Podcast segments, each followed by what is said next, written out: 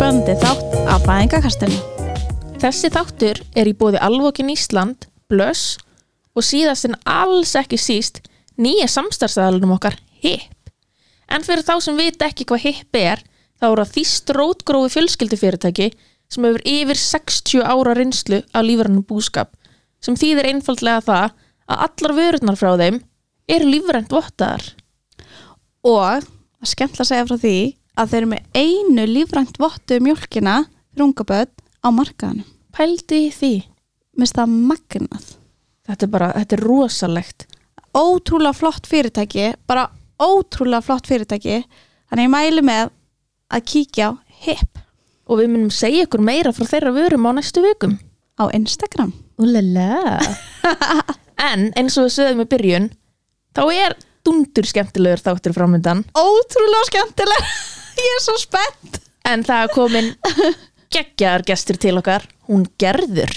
Vertu velkomin gerður. Takk fyrir og takk fyrir að fá mig Takk fyrir að Ótrúlega koma. spennt fyrir þættinum. Já, ég veit ekki hvor er okkar er spenntara því ég bara, það er svo langt síðan að ég fekk að tala um fæðingasöguna mína Já. við einhvern sem hafði actually áhuga á henni Já, sem nennir að hlusta. sem svona nenni að hlusta á þetta að ég er búin að vera bara alla vikuna bara ég er að fara í podcast, ég er að fara í podcast þannig að bara takk fyrir að fá mig og ég bara ég er mjög ánægð með þetta Bara æðislegt. Oh. En ef við byrjum þetta á klassísku nótunum eins og alltaf, Já.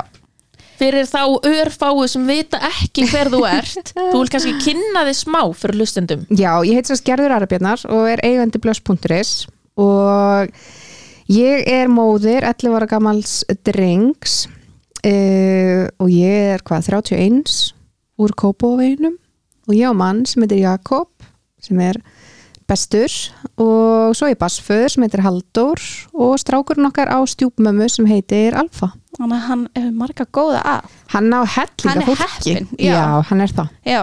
hann er það En ef ég má spyrja núna, voru það að reyna eignasband þegar þú verður ólétt af Hektori? Já, það er nefnilega svo skemmtileg að sagða þegar ég er sérst tvítug þegar ég verð ólétt -hmm. og ég trúi því valla en já, við vorum bara alveg tilbúin og Vá. ég bara trúi því valla sjálf. Og að því í dag horfi ég á tvítugan einstakling og hugsa bara býtu með þetta, ekki drífa þig það er ekki tímabært að eiga þegar þú ert tvítugur.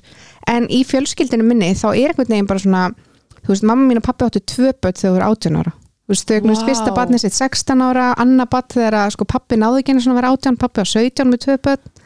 Báðu og sýstu mínar voru undir tvítugt þegar eignast börnin sín Þannig að þegar ég var tvítug þá, ég ætla ekki að segja að mér hafi fundist í sein sko eða eitthvað, en ég var samt alveg svona Það er komin tími. já, ég er bara tilbúin í þetta tími, ég já. var bara, þú veist, ég var búin að vera í sambandi í fjögur ár og Já. mér langaði bara, mér dreymdi alltaf um að verða mamma þú veist, Það var alveg svona Á þessum tíma kikkar eitthvað svona eðlimanns eins, eitthvað svona, Móðureðli. já það er eitthvað svona, ég hugsa, ég hugsa samt að mörgu leiti þá hafa þetta pínu verið þannig á mér. Ég var ekki með eitt svona eitthvað nám sem mér langaði að fara í ég vissi ekki hvað mér langaði að vinna við en ég vissi að mér langaði að vera mamma.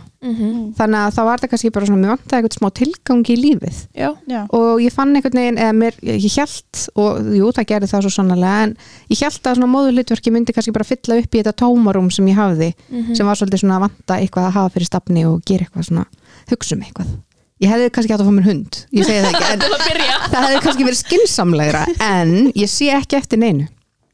Og hvernig er það svo þegar þú fattar á ert ólétt að það sé búið að takast? Já, ok, það er nefnilega líka önnur skemmtileg. Þetta verður svo mikið skemmtilegum sögustelpur. Ég er að segja ykkur það, svo veist, engum þetta skemmtilegt nema mér. En ég sem sagt, uh, ég var svo ótrúlega seinþróska eða ég veit ekki hvað það kallast en ég er allavega sem sagt, þegar ég er 17 ára gömul er ekki ennþá að byrja á blæðingum þannig að ok.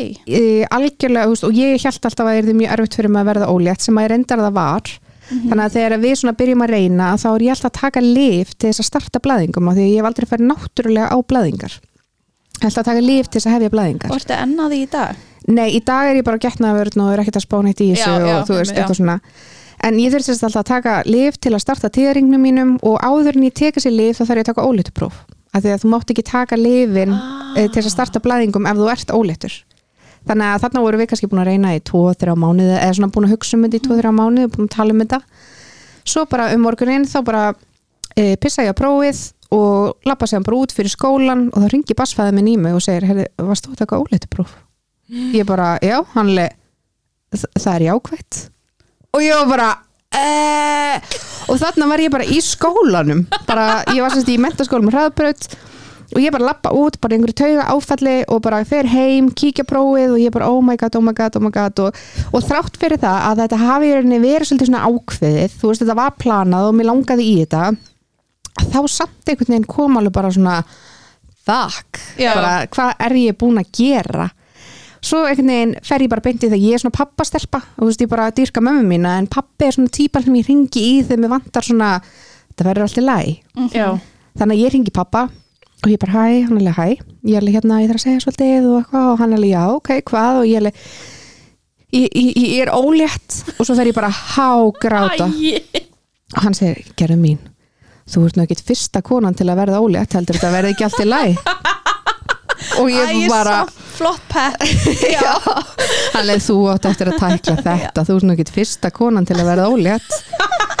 Og ég hugsa bara, ok, það er engin eins og pappi minn, hann er með svo mikið jafnaðgeð, eða svona, þú veist, hvað maður að segja? Svona, hann allt svona, að henda einhverju í hann hann mun aldrei bregðast við með því að vera bara, oh my god, eitthvað Já. svona þú veist, það verður alltaf svona, já, já, þetta er nú bara þetta er gangur lífsinskerði mín, þú veist ekki eina konan sem eru ólétt. Ha. Þetta gerist bara þegar maður er að stunda kynlíf. Heldur á jörðinni. Hann heldur mér á jörðinni, já, hann heldur betur sko. tekur það óléttu próf og labba bara út? Já, ég bara Gleymdi því. þetta var orðin svo mikið, þú veist, ég er búin að taka óléttu próf á einhverjum einasta mánuði í mörg ár. Já, þú veist, þannig að þetta var einhvern veginn ekkert svona eitthvað og þú veist, þetta var ekki þannig að ég hafi verið ný hætt á pillunni eða eitthvað, við vorum bara svona hætt að passa okkur. Já. já, og ég einhvern veginn bjóst við því að ef við ætlum bara að reyna þá tækir þetta marga marga mánuði. Já. þú veist, þannig að ég einhvern veginn svona svo bara var ég ólétt þannig að þetta var einhvern veginn svo óvænt þú veist, ég bjóst ekki við að ég var þarna bara miðri önsku í skólanum og ég bjóst ekki við að ég er ólétt strax Einmitt. Já. Þú varst ekki alveg búin að reikna með því að það myndi koma bara Búm. Nei, það var einhvern veginn allir búin að segja við mig bara, já, þú veist, þetta gæti alveg orðið smá hérna, verkefni fyrir ykkur og eitthvað svona þannig að ég hérna en fekk þessa óvæntu ánægju hérna upp í hendunar í smá sjöki en, uh, en þetta var mjög fyndið Þetta er magna Já, fá líka tilkynningu frá einhverjum öðrum. Já, einmitt bara, bara þú svona- ert ólétt. Já,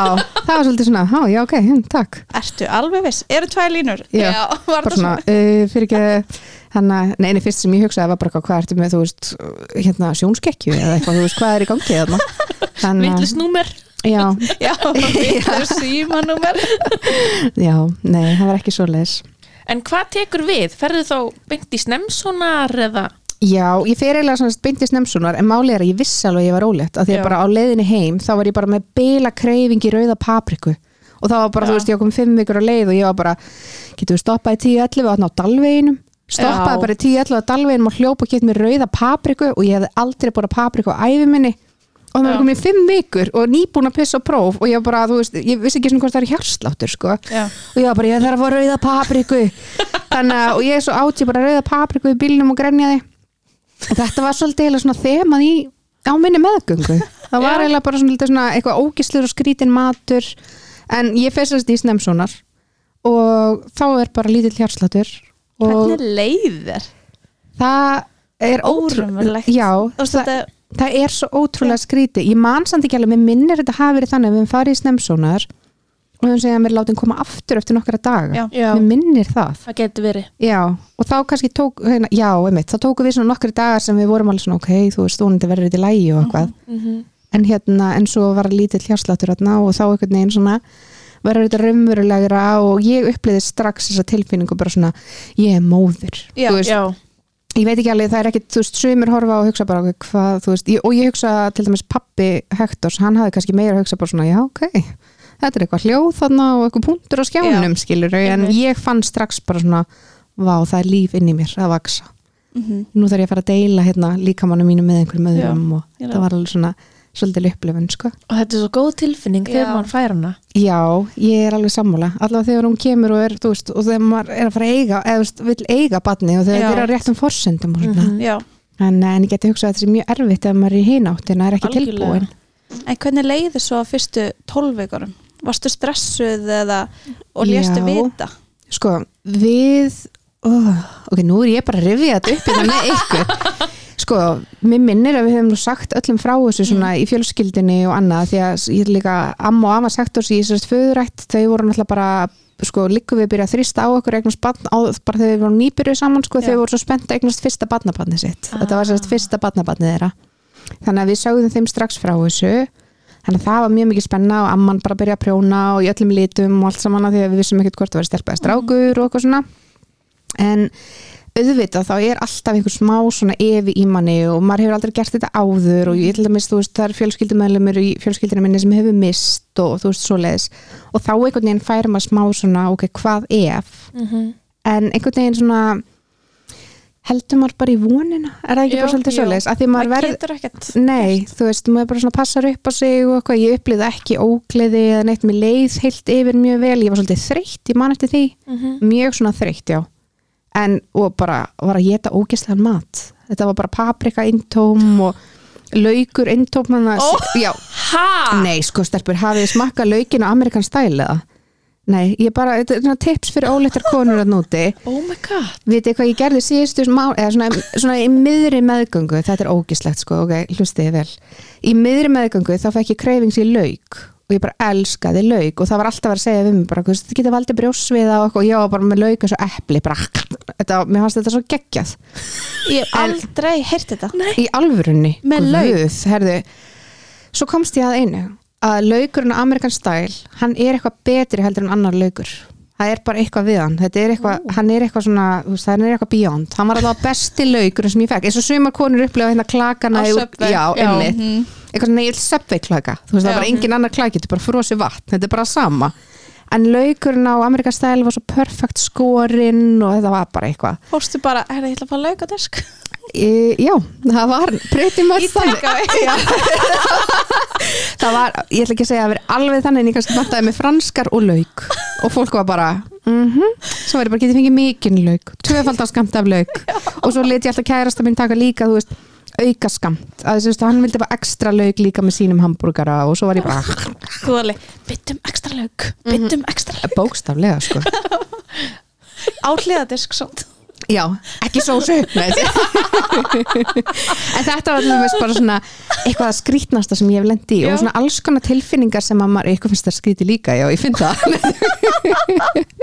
En þetta var svona eitt af því svona eftirminnilegasta sem ég uppliði en það var svona einhvern veginn svona skrítin kreifings en halló, þú veist, maður hefur heyrt konur sem eru að sleikja malbygg og Já, geta já, dekk já. og eitthvað skilur þannig að já, og Sniffa ilmolíur og- já, já, þetta, það gerist eitthvað ég var samt alveg þar með bensín sko Já. ég elska að fara á bensinstöðar í alvörunni Ég líka Og ég var bara ég var vera hana fyrir utan og ég bara eins lengi að taka bensín og ég gat og svo svo sulla Já, Æ, já, á, æ, allt á æ, höndunum æ, æ. Dæli svona bara klikk Maður er ekki bara að láta þetta buna sko Verða búið strax. Það getur verið svo Er þetta ástæðan fyrir rauðin alltaf í? Án Það er bara ólétta konur sem hefur bara er bara ándjók sko. Og þetta er svona hreinsefni og eitthvað. Úi, nei, ég var ekki alveg þar. Ég er bara klór og eitthvað. Og ykkur vist laukurinn skrítin já, já. En hvernig leiðir svo að fara í 12 vikna? Var þetta ekki svona óraunverulegt líka og bara Jú, Það var svona staðfesting. Mhm. Jú, það var svo mikil staðfesting en það var líka bara svo mikil léttir og Já. þá einhvern veginn fa- fann maður svona eins og maður hefði fengið leifi til Já. þess að fara að fagna og Já, eins og þetta væri. Mhm. bara, þú veist, bara nú verður þetta í lægi og það er svolítið svona eins og ég hugsa í dag, ef ég er þið ólétt í dag Mhm. Ég er ekkit vissum að ég myndi fylgja þessari reglu um 12 það. nei, að segja ekki frá fyrir 12 vikur og eitthvað, ef mér langar að segja fólki frá þá bara segi ég frá. Og líka Einmitt. bara, fólk grípi þig ef það kemur eitthvað. Eitthvað Já, fall, ég ætla einmitt að þú segja, þú veist, svo bara getur maður opinberað þetta og þá líka ef eitthvað kemur upp á og þá bara er það partur að því að nú lifi ég svona frekar opinberu lífi. Þú veist, Já. og ég er svona lifi fylgjendum mínum að fylgjast með því sem ég er að gera í dagstæðulegu lífi og því. Þannig ég hugsa bara einmitt að ef það kemur eitthvað svona stórt inn í mitt líf að þá myndi ég bara segja þeim það en á sama tíma myndi ég líka segja þeim að það gengi ekki upp að því þá einmitt kannski myndi fólk sína líka meiri skilning og annað Algjörlega. heldur en allt í henni væri maður bara úksla off, off your game eitthvað Mhm. og eitthvað svona Já, Líka af því að Mhm. það missir er svo miklu algengar en maður heldur Já. Stelpunar sem hafa komið til okkar Ég held að Já. 70% af þeim hafa mist áður Já, ok. Þannig að það er bara svo mikilvægt út af því að þær hafa flestar sammeðlegt að upplefa sig einar og svona einangraðar Já, að hafa ykkur til að grípa sig að vera búin að tala við eitthvað Mhm. svo maður sé ekki bara einn út í hotni og mm að ég, það er bara fáránlegt þunglindi sem fylgir þessu og bara sorgin og missirinn Mhm. og Þú pissar að prófa að hugsa nýju mánuði fram í tíman já, Já, Ef að þú er búin þannig. að búa til líf með þessu batni, Einmitt. ekki einhverju öðru batni sem Já. kemur En- setna Já, já, En það er samt líka held ég bara, þú veist, er þetta ekki bara svona samfélagið okkar er aðeins að þróast Jú. og þetta er bara gömul regla sem að í rauninni Já. kannski á sér ekkert stóð lengur Mhm. og jú, auðvitað, já, auðvitað er fólki sko algjörlega velkomið að fylgja þessar reglu en ef þú kýst að fylgja ekki þá ertu ekki að gera nýttir á einmitt, það er alltaf góðu en maður hefur já. samt alveg heyrt stelpur sem hafa sagt snemma frá og svona, þá er alltaf svona já, ég myndi nú býða með þetta til 12 vikur eitthvað Já. svona, Já. en það er bara ekki þeirra ákveð, þetta er bara hver og ein manneski tekur ákveðin fyrir sig Líka bara eins og ég uppliði Þú veist, þegar ég var ólétt Mér langa að öskreita Já. Já, bara að því að mér langa bara allir myndi vita ég var ólétt. Þú veist, að þetta er svo magnað. Já, þetta er bara staðista upplifun ég get sagt eitthvað það að ef ég á að hugsa um eitthvað jákvægt moment eins og að því nú er ég búin að fara í gegnum ótrúlega mikið á svona Tony Robbins og sjálfsvinnu og Já. annað. Já, og þau eru svona sterkustu moment þar sem ég hef náð svona bestu tengingu við sjálfa mig eða svona my proudest moments eða eitthvað, það tengist ekki rekstrinu mínum eða eitthvað, það tengist fæðingu basis míns. Það tengist, þú veist, momentinu þegar ég sá hann í fyrsta skipti eða þannig að auðvitað og af hverju að pína fólk til að geima þetta í 12 vikur bara, og margir kannski búin að reyna ótrúlega lengi og Já. þetta er búin að vera erfitt ferli og þú veist, bara go for it þetta er bara, Þetta er svo svolítið að rétt. fara út úr féluleiknum þetta Já. er bara Þetta er ótrúlega rétt Já, mm. ótrúlega rétt En ég nefnir mér langar að spyrja Fengu að vita kynið eða ákast að byða Herðu, við fengum að vita kynið Var eitthvað ástæða fyrir því?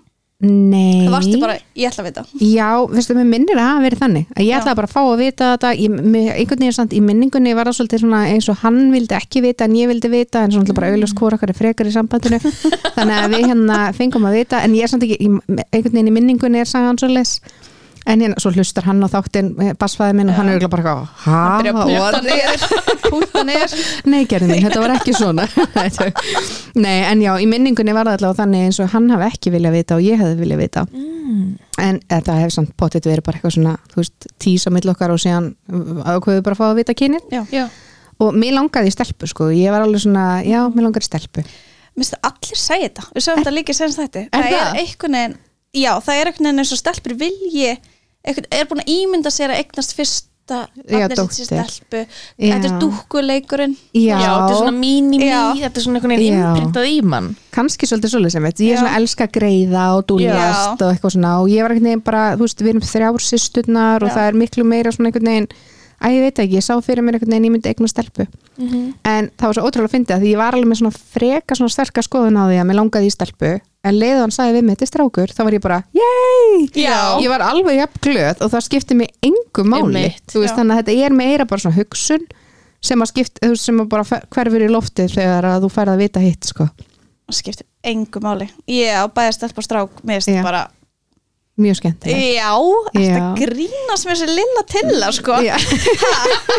þeir eru líka bara svo sterkir karakterar og ég veit Já. ekki, mér finnst bara allavega ég, svo er hann líka bara svo veist, mömmustrákur, hann er líka pappastrákur samt en þú veist, ég einhvern veginn bara Já. þetta er bara barnið þitt. Já, það er eiginlega bara pínu þannig. Já. Þú skilur þesslega ást hvort hann sem hvort sem þessi stelpaði strákur. Einmitt, þú ert smaður ekki fara að breyta neina Nei. En fengu að vita það í 20 veikna um, Sko Nú minni mig. Stelpur. Nú er ég að upplifa pínu bara svona Vá, hvað var gömul, þessu langt sem þið gerðist. En við fórum í þrývítasons Þannig að það var byrjað fyrir 11 árum síðan stelpur mínar Í gamla daga Já. Þá var hægt að vera í þrývítasonar En það var svona, þetta var nýbyrjað. Já, var þetta svona svartkvít eða var þetta Nei, þetta var í svona lit, sko Já, svona alveg svona brúnlitar Já. svona eins og það er í dag. En, en hérna, já, við fórum sérst í þrývitasónar og það var það magnaðasta sem við gerðum á meðgöngunni held ég. Það var bara svona einhvern veginn að sjá hvað svipan var með og litla krútlega nebban og þannig að sá maður alveg svona, hann var svona lítill og fingerður og maður sá það alveg einhvern veginn og. Æ, mér það alveg geggja og mér minnir að við fengið að vita kyni þar. En það var samt ekki svona eitthvað staðfest. Þú veist, hún sagði bara, mér sýnist þetta að vera strákur. Já, svo fórum við í 20 veginn sónarinn og þá fengum við staðfestingu á því að þetta væri strákur hann, uh, eða með Já. tippi Já, staðfyrst að hann væri með tippi já, Já. emmitt Og hvernig leiði svo 20 veikna? Bara þú veist á þessum tíma þessum tíma, sko, heilt yfir þá leiði mér ofbóðslega vel alla meðgönguna Svo og gott ég, að vera með kúlu já, ég bara elska Ah, að vera já. ólétt mér leið ótrúlega vel og ég bara einhvern veginn svona í svona blómstraði á meðgöngunni. Mhm. ég veit ekki hvort það var kannski bara samspila á milli spennunar og einhvern veginn að líða vel með líkamann minn, þú veist, mér Mhm. fannst mér bara sjaldan fundist ég að falleg og þegar ég var ólétt. En svo einhvern veginn svona svona setni hluta meðgöngunar eins og margir kannski kannast við, þá er ég náttúrulega bara orðin eins og kvalur að mér leið og bara Já. áttu svona ára erfiðara með allt saman. Ég var líka svona aðeins í yfirþyngd og svo leist þannig að það var einhvern veginn kannski var ekkit rosalega jákvætt eða svona hafði ekkit jákvæð áhrif endilega að vera síðan að þingjast meira en heilt yfir þá var þetta bara svona drauma meðganga sjúklega svona leið vel og bara allan tíman í mjög svona góðu jafnvægi og svona. En bara, já, einhvern veginn ég geti alveg hugsað mér að ganga með batn aftur. Já. þú veist, það var alveg svona mín upplifun allavega. En hvernig, hvað gekkstu langt með hann? ég gekk 40 vikur og 2 daga Tvo eilíðar daga og tvo, tvö eilífðar ár. daga, eiginlega. já. þetta er alveg svoleiðis. Já, þetta var alveg 40 vikur og 20 ár. Það voru sem sagt, það var mín meðganga en varstu búin að undirbúða eitthvað fyrir fæðinguna. Já, það er nefnilega svo ótrúlega gaman af því að ég sem sagt, þetta er náttúrulega bara fyrsta batni mitt þetta átti alltaf að vera fullkomið, ég fór Mhm. á brjóstagefa námskeið við fórum fóreldra námskeið, við fórum á öll námskeið sem hægt var að fara á fyrir 11 árum síðan. Ok, hvernig er fóreldarnámskið? Þetta hef ég ekki heyrt á þau Nei. Herri, þetta var alveg sko svona átta vikna námskeið sem við fórum á einu sinni í viku. Já, það var mjög skemmtilegt. Þetta var hérna, ég man ekki alveg hvaða fyrirtæki var með þetta, ég held þetta sé ekki lengur en það var svona kent svona fóreldrafræðisla sem er í stuðst við kenningar hérna Gottmann uh, hann er svona uppeldisfræðingur. Mm. og þar var í rauninni bara svolítið að vera að fara yfir bæði bara svona samskipti fóreldra og samband og hvernig það mun allt saman verða. Og svo voru við að tala um bara svona mismöndu uppeldisaðferðir og svoleiðis. Og mér fannst þetta ógæðislega skemmtilegt. Já. ég er líka bara algjör sökkar í allt svona fræðislu og námskeið og þess áttar þannig að við vorum hann í einhverja átta vikur og það var mitt ótrúlega að finna að segja frá því að það var sérst talað um á þessu námskeiði að það veri ég teki 40% eða 30% fóreldra eða eitthvað sem skilja fyrir tveggjára aldur bass Já, það var bara hérna krakkin tveggjára sjáum seinna við erum hægt saman. Já. þannig að þetta var eitthvað ég held mér þess að hlutfallið sé orðið hærra í dag sko. Já, þetta er allavega, þú veist, alveg einmitt þannig að það var bara svona fyrstu tvö árin eru erfiðustu árin. Og það var alveg satt, þú veist, Það er ótrúlega erfið Já. það er svona, þú veist, sa- sambandslega Já, þetta er líka já. bara allt í nú komið nýtt líf og heimilið bara nýr einstaklingur mm sem að maður kom sjálfur í heiminn og elskar út af lífinu. Já, svo er einhver annar aðili að skipta sér af hvernig maður vil hafa. Svo hef ég einmitt heyrt af afbríðsemi út í badnið og bara svona það er alls konar tilfinningar sem að spila inn í þessi fyrstu árin. Ég held sko að í mínu tilfelli allavega þá hafa þetta verið svo ótrúlega mikið að ég fann sjálfa mig veist, og ég er ekki að segja að ég hafi ekki verið búin að finna veist, ég, ég fór bara frá því að vera stelpa yfir að vera kona. Já, og ég svona, og við fórum svolítið bara sikkur áttina ég og basfæðin minn.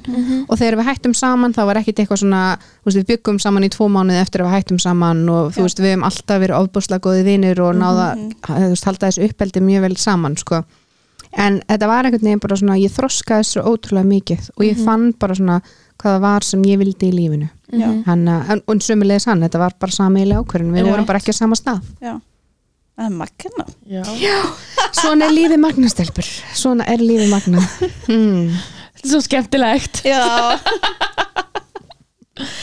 En 40 vikur pluss tveir dagar.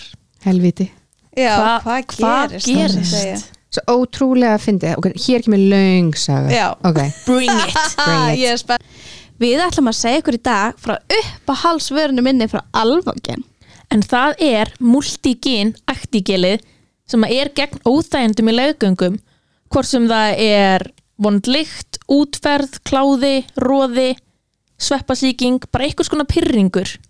Það hefur sæðistrepandi áhrif þannig að það hendar ekki alveg fyrir þær sem er að reyna að verða ófrískar en mesta snildin við þetta er að það er óhægt að nota það á meðgöngu. Þetta er allan að ég skal segja ykkur að þetta virkar og þetta er bara mesta snildin. Þannig að go get it. ok. Það sem gerist er að þegar ég komið 34 vikur þá fer ég á stað í fyrsta skipti. Mm Þannig að ég sem byrja með hríður og reglulega samdrætti og allt svo leis og fer upp á fæðingadeild og þar er ég skoðuð og þá er bara sagt við með að barnið sér skorðað og ég komin þarna með einhverja þrjá eða fjóra í útvikun uh, að því ég komið 34 vikur að þá telja þær ekki nöðsynlegt að hann fá einhvers konar stera eða eitthvað svolítið heldur bara svona vilja sjá hvort þetta haldi áfram að hvort þetta hætti að því að síðan hætta samdrættirnir eða svona minkar Mhm. þannig að mér er bara sagt að fara heim og taka þið rólega og þetta sé líklega svona feik fyrirvara verkir eða eitthvað, ég man ekki hvað er hvað þetta Braxton Hicks eða eitthvað, nei, hvað heitir það? Já, eitthvað svona allavega, þetta er Já. svona eitthvað feik bara en ég er samt með fjóra í útvikun sko. þannig að, en allt er góða með það síðan hérna líður bara vikan og ég er alltaf að fá þess samdrætti og mátt ekki reyfa mig án þess að kemur samdrættir og eitthvað svona og svo er ég komið 36 vikur þá fyrir ég aftur á stað, fyrir aftur upp yfir en þá með fjóra í útvikun og svo eiginlega gengur þetta bara alveg fram að svona 39. viku Varst ekki hann þreytt? ég var hann rosalega Já, En þetta þá- tekur rosa á Já, ég, var, ég fór sérst á fjör, frá 34. viku og fram til 38. viku eða 39. viku það fór ég svona sexinum á stað bara svona alltaf að byrja og svo var þetta bara búið og byrja og búið, en samt alveg þannig að Þetta var vond já, alveg þannig að ég fór upp á spítala því ég vissi ég á með fjóra í útvikun. Veist, þannig Þú að veist, ég, þú ert hálnuð með útvíkunasti ég sko, persónulega fættist ég sjálf nánast í liftu þannig að ég veit að fæðing getur gengið hratt fyrir sig að, og ég kom með látum í heiminn þannig að ég hugsaði bara, ok, ég er bara að fara að lendi í sama. Veist, krakkin er bara að fara að koma hérna ef ég fer ekki upp á spítala. En var þó eitthvað lægvatn farið að leka? Sko, ég uppliði það mjög oft en það var sérst alltaf tekið strók og það kom aldrei neitt, þannig að Ok. ég bara verið að míga á mig eða eitthvað, eða pissa á mig Eða svona milli, millibelgjar vatn eða eitthvað gæti já, ymmit, gæti verið eitthvað svoleiðis Mhm. eh, en ég var alltaf bara með þessar hríðir og, eða þú veist, ég vil kalla þetta hríðir að þetta var bara hræðilega sárt Já. svo hérna á þessum tíma sem ég er ólétt og er eiga að þá er svínaflensan í gangi mm. og það var sérst þannig að það kom upp sérst nóttina sem að ég ringi á spítalan, komin 40 vikur og 2 daga, nei byrti, ég ætla, ég ætla að segja ykkur annan fyrst. Sí- síðan fer ég þegar komin 39 vikur og þá er ég skoðuð öll saman og þá er bara ákveð að reyfa við belgnum. Bara Já, þetta er búin að þú veist komið fjóra útvikun og þetta er bara orðið það þú veist, þú er búin að vera í það mikið að koma fara af stað Mhm.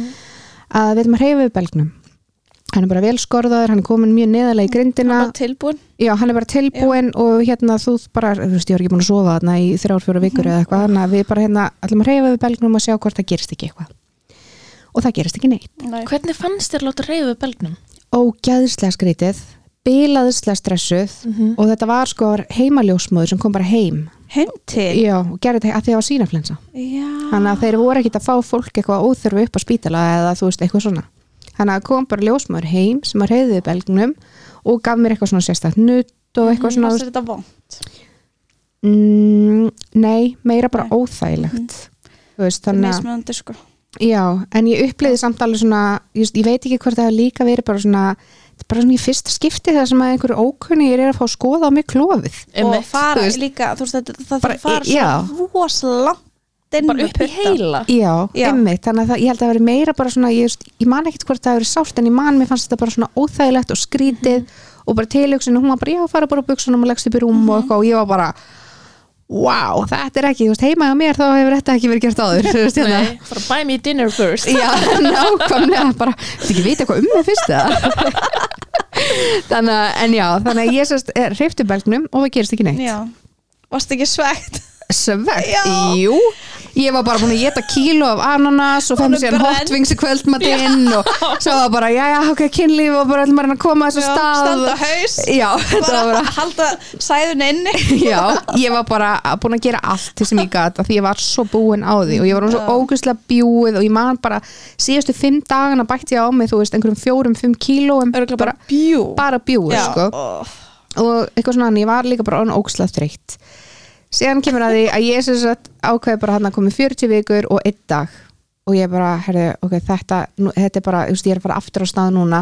Og mamma sagði við mig, hún bara, nú ringið þú upp sjúkrás og þú bara ferð ekki fyrir en að þú bara sett af stað. Mhm. það bara gengur ekki lengur, ég var bara eins og kvalur, ég var hann svo bjúið og eitthvað. Þannig ég ringi på landsbytila um kvöldi, að því að þarna er ég alveg bara búin að vera allan daginn bara í sturtunni og fann að fara svona fjóru svona dag í sturtu og bara láta dempa á baki á mér og bara svona reyna að halda mér einhvern veginn góðri Mhm. og ég er þess að ringi på landsbytila kl. 6 um kvöldið og segi við þær að ég halda að ég sé að fara að stað og það svarar einhver indælis konaðan í síma og segir, ertu viss? Já. og ég var bara, ég bara veit það ekki þetta er fyrsta batna mitt og hún já, já, já, það er svona með frumbyrjur það er, þetta tekur allt svolítið tíma þannig að viltu ekki bara heyri okkur aftur í fyrramálið frumbyrjur, Já. svo ljótt orð.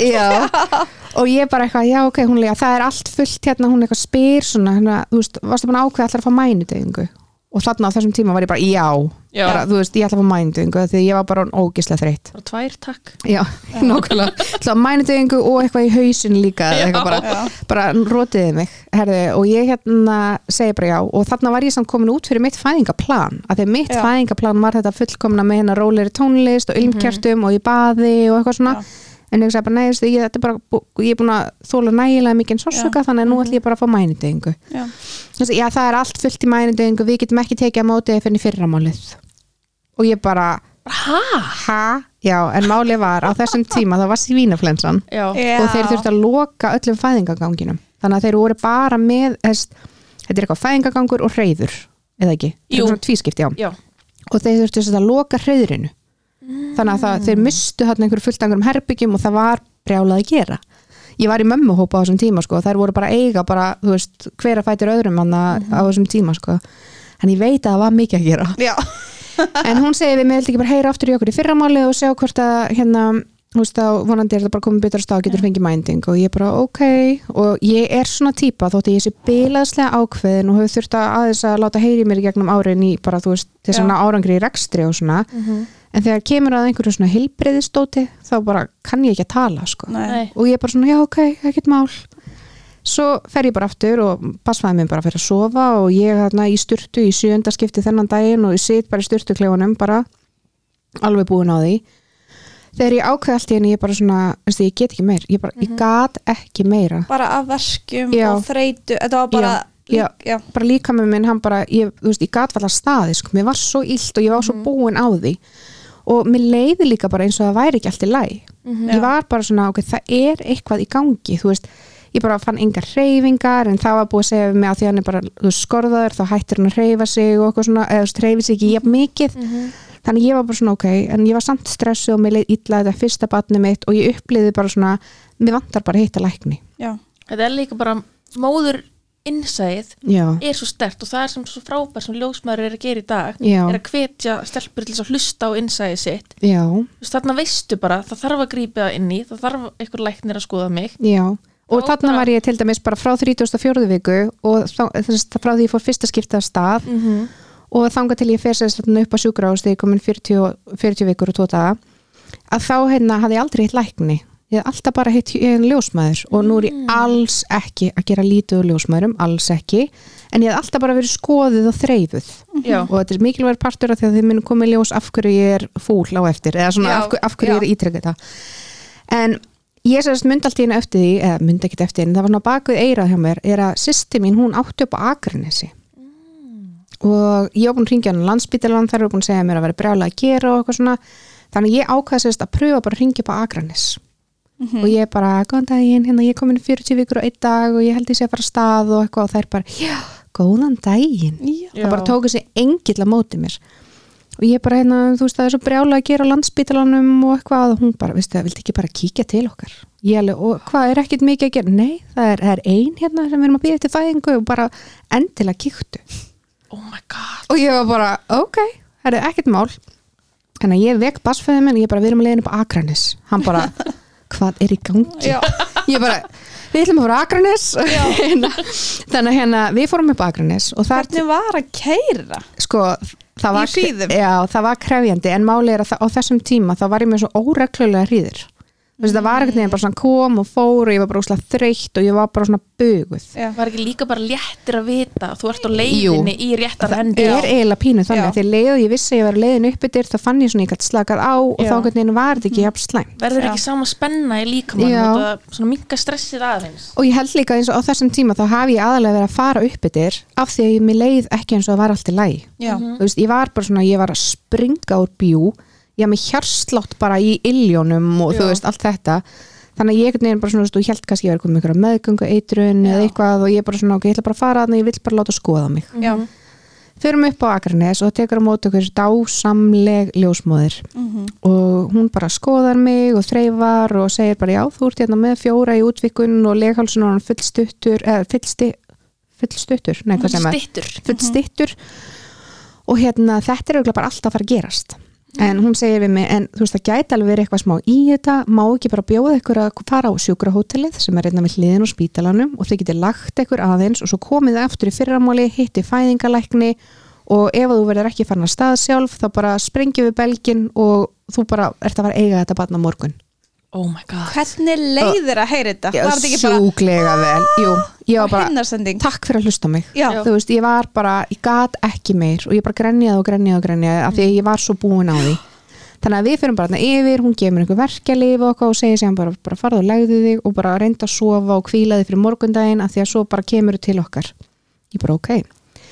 Svo bara fer ég og ég svo svara, ég steinsopnaði já, þetta var bara, af því ég vissi bara að þetta var að fara að gerast á morgun og ég bara náði loksins að bara svona slöknaði á mér einhvern veginn. Einhvern veginn róin að vita að þið þá búið að skoða mig og það var alltaf læg mm -hmm. það búið að hlusta hjarsláttin og allt svona. Svo einhvern veginn bara vaknaði ég um morgunin og okkur var bara sagt að ringja veist, til að kanna stöðuna hinum minn og þá við ringjum við hinum minn og þá bara svona herðið fæðingalæknirinn akkurat í keisara. Þú veist það keisari í gangi. Þannig að vil ég koma í hádegin eða rétt eftir hádegi? Og við bara ekkert mál að við finnum bara í hádeginu, Já. fáum okkur pítsu og bara aðeins að hlaði Já. okkur orku fyrir þú veist, komandi átök sko því Já. ég var bara að fara að fæða bann Já, ráan lauk og rauða papriku. Já, nákvæmlega. Maður bara að gera vel með sig. Þannig að og svo bara fyrir vannin og, e, og þá sem sagt e, skoðar hún mig og hún segir bara já hérna e, hann er sem sagt bara tilbúin belgurinn er bara farin að lafa. já, og, e, og hérna eða hún fann belgin sko. Já, og hérna hún sagði ég ætla bara að heyri fæðingalækninum ég ætla að fá hann til að taka vakstasónar á barninu og svo getum við bara sprengt belgin og þá yðurlega fer allt af stað. Ég bara ok, kekja fæðingalæknirinn kemur hann setur mig í sónar, vakstasónar og þá voru svona 30 sekundur inn þegar hann segir byrju, það er ekkert verið að fara að sprengja belgin í þessu barni og ég bara, ha hann, og það er svona fíkur í hann, hann verður alveg svona reyður já, hann bara, hvað, hvað er verið að tala um hér? Það var ekkert að fara að sprengja belgina á þessu batni hérna sko. og ég eitthvað, hvað, ha, ha hann, le- þetta batni er ekki skorðað. Þá var batni mitt aldrei skorðað allan tíman ha? Mm en það hefði enginn séð það því hann var með rassin, Rassinn, onni grindina og fastur þá fastur. Og þess vegna var þetta búið að vera svona. Og þess vegna var ég búin að vera að drepast frá því 34. viku og hann alltaf að reyna að tróðast niður einhvern veginn. Með rass með rassin Elsku fastan. Já, og það sem verra var var það að belgurinn var sérst fann að lafa svona niður fyrir já, og naflastrengurinn þar undir. Sem er bara stór hættulegt. Já, og hann sagði við mig, hann sagði bara hérna, það er við erum ekki að fara að sprengja belginn og lala, hann bara, þú, þú ert ekki að fara að fæða þetta barn. Og ég bara, ha, hann ljá þú, við þú bara að fara keisara. Og ég bara, ok, hérna og bara, þú veist, hversu lítið ég var búin að skipilegja keisara. Einmitt. ég horfði á hann, ég bara, já, ok hvar panta ég tími það af því að það var einhvern veginn svona við, viðmóti sem ég var búin að fá alla meðgönguna þú veist að panta hérna tíma í síkuþólspróf og svo þarfst að panta tíma Já. hérna, þú veist, eitthvað svona. Já, já. þannig ég var bara, og hvar panta ég tíma í það? Hann bara panta tíma, nei, þú- þetta barn verið fætt á næstu tíu myndunum, sko. Þannig að mér var bara vippað úr ég var bara sett mænudeyfing, beintin á skurðstofu og ég tekið mig keisara, bráð og keisara. Og þetta var bara svo, þetta var svo, svæð nei, ég, Nei, ég mátti velja samt ég mátti velja. Og fekk bassferðin að vera með? Já, hann fekk að vera með uh, og þetta, eða, þú veist, það var samt byrjað að skera allt þegar hann kom inn, sko, því Já. þetta var alveg bara, þú veist, það þurfti að gerast mjög Já. hratt, mm því hann sagði bara, ef vatnið fer þá fyrir naflastrengurinn undir og eitthvað Já. svona. En, semst, ég fekk að velja, viltu vera sofandi eða vakandi? Og ég sagði bara, ég veit það ekki, ég veit það ekki. Og þá svo væði svæfingalæknir við mig, þú vilt vera vakandi. Þú vilt ekki missa af þessu.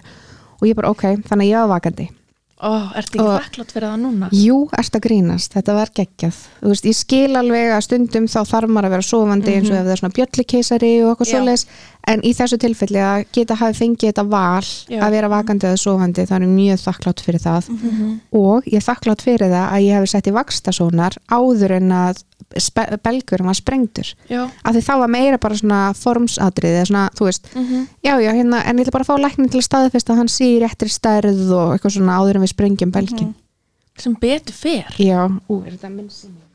Allt í góðu. Hvert er Ok. komin? Ég var komin hérna. Þú ert vakandi Ég var vakandi, já, í hérna keisaranum og ég er ótrúlega ána með þá ákförðun mm. því þetta var skjössalega magnað en þetta var líka ótrúlega skrítið Skeri- Var þetta ekki skeri? jú, jú, jú, fyrir utan það varst ekki hún hrætt bara, þú veist, Jú. hvað er í gangi líka bara að því að viðbröð læknisins voru svo hann varð bara svona reyður Já. þú veist, hann var bara og svo þetta var svona, hann var ekkert reyður út í mig hann var Nei. bara reyður út í starfsfólkið Mhm. en uh, hann sérst já, í fyrir keisara, basfæði minn er viðstatur og tilfinningin að fara inn á skurstofu það voru ég veit ekki, átta til tíu starfsmenn að heilsar, hæ, þetta þetta og ég gera þetta Já, nei, það var ekki, Ekki? tími til þess það var bara, nei, það, Ok. þú veist, mér var bara rúlað inn og svo var bara eiginlega að byrja að skera bara, stra, eða þú veist, ég man bara eftir Já. ég var að fá mænudeyðinguna og svo bara byrjað og er svona tjald fyrir?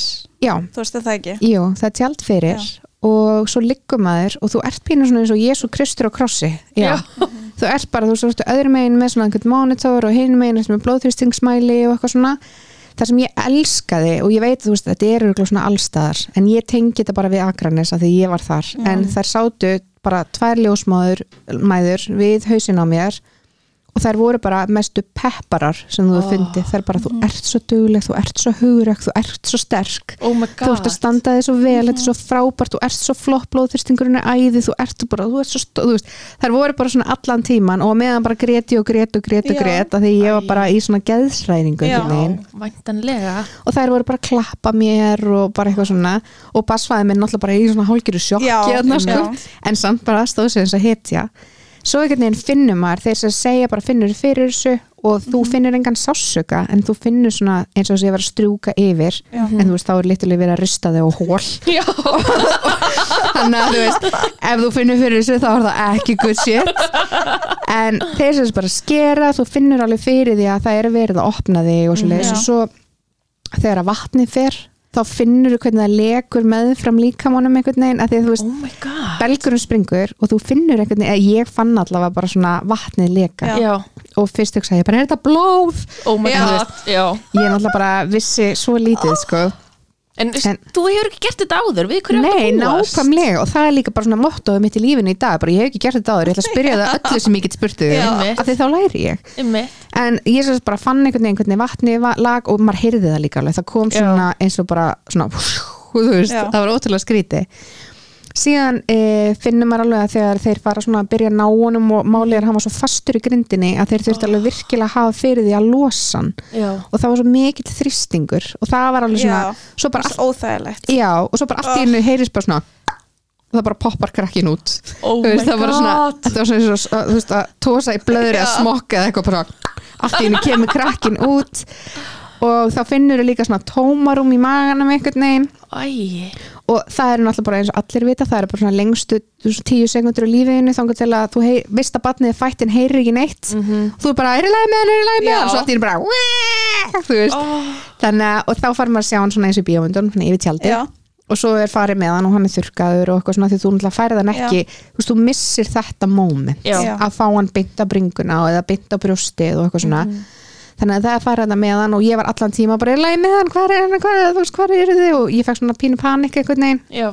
Af því ég vissi heldur ekki hvernig ferli er þið Nei. ég vissi ekki, akkur komir ekki með hann strax Já. til mín akkur fórið með hann eitthvað annað borð og þú veist, þannig að ég held kannski að þeir voru að fara með hann eitthvað, það Var væri eitthvað. að Mhm. þú veist, þannig að ég fekk svona Þú líka ert, ekki búin að kynna þér keisaraskurð fyrir Nei, þetta? það Það er enginn eða búin Nei, en ég hvet ykkur til þess að kynna ykkur það. Já. af því að til dæmis eins og í minni fjölskyldu það er enginn farið í keisara. Nei. En, ég þekki engan sem hafði farið í keisara þegar ég fór í keisara. Mhm. og þú veist þannig að þetta var einhvern veginn svo fjarrir lægið, ég hugsaði bara já, ég, þú veist, ég er bara á þetta barni eins og allir í minni fjölskyldu það var gert sko. Já, svo einhvern veginn koma þér með hann og ég man svo vel mómenti þegar að ó, ég finnast ég að gráta Já. sko Já, ég man svo vel mómenti þegar hún kemur með hann og hún leggur hann svona hliðin á Já. andlitin á mér og ég bara svona réttnaði að líta til hliðar og ég Já. sé hann en ég samt eiginlega bara fann lyktin á hann já já og ég var bara svona oh my god og ég bara grét og grét og, Fækst á möm, svo þessa tilfinningu bara hann er minn já, já, ég fekk það strax sko. Ég ég bara bara- svona Svo móður tilfinningu já, ég er alveg með tári í augunum sko. Já. en, en bara svona og ég lá bara og ég fann bara hvernig tárin lágu niður hjá mér og hann var einhvern veginn svona komin og hann var svona rólegur, hann bara mm, eitthvað svona músast sín, eitthvað. já. Já, og ég var bara oh my god, þú ert aldrei að fara neitt ég ætla Nei. alltaf að eiga þig. Svo bara, herri, svo er hann núna að fara, þú veist, og ég var Já. bara nei, halló. Þetta má ekki. Þetta var, og það var erfiðasti parturinn af þessu öllu af því að þeir sem síðan fór bara pappan sektorsmöðunum fram. Mhm. Og meðan var verið að tjastla mér saman. Mhm. og by the way e, fylgjan þegar þú fer í keisara allavega í mínu tilfelli, ég veit ekki hvernig þetta er í öðrum þá þarf sérst að rífa fylgjuna út.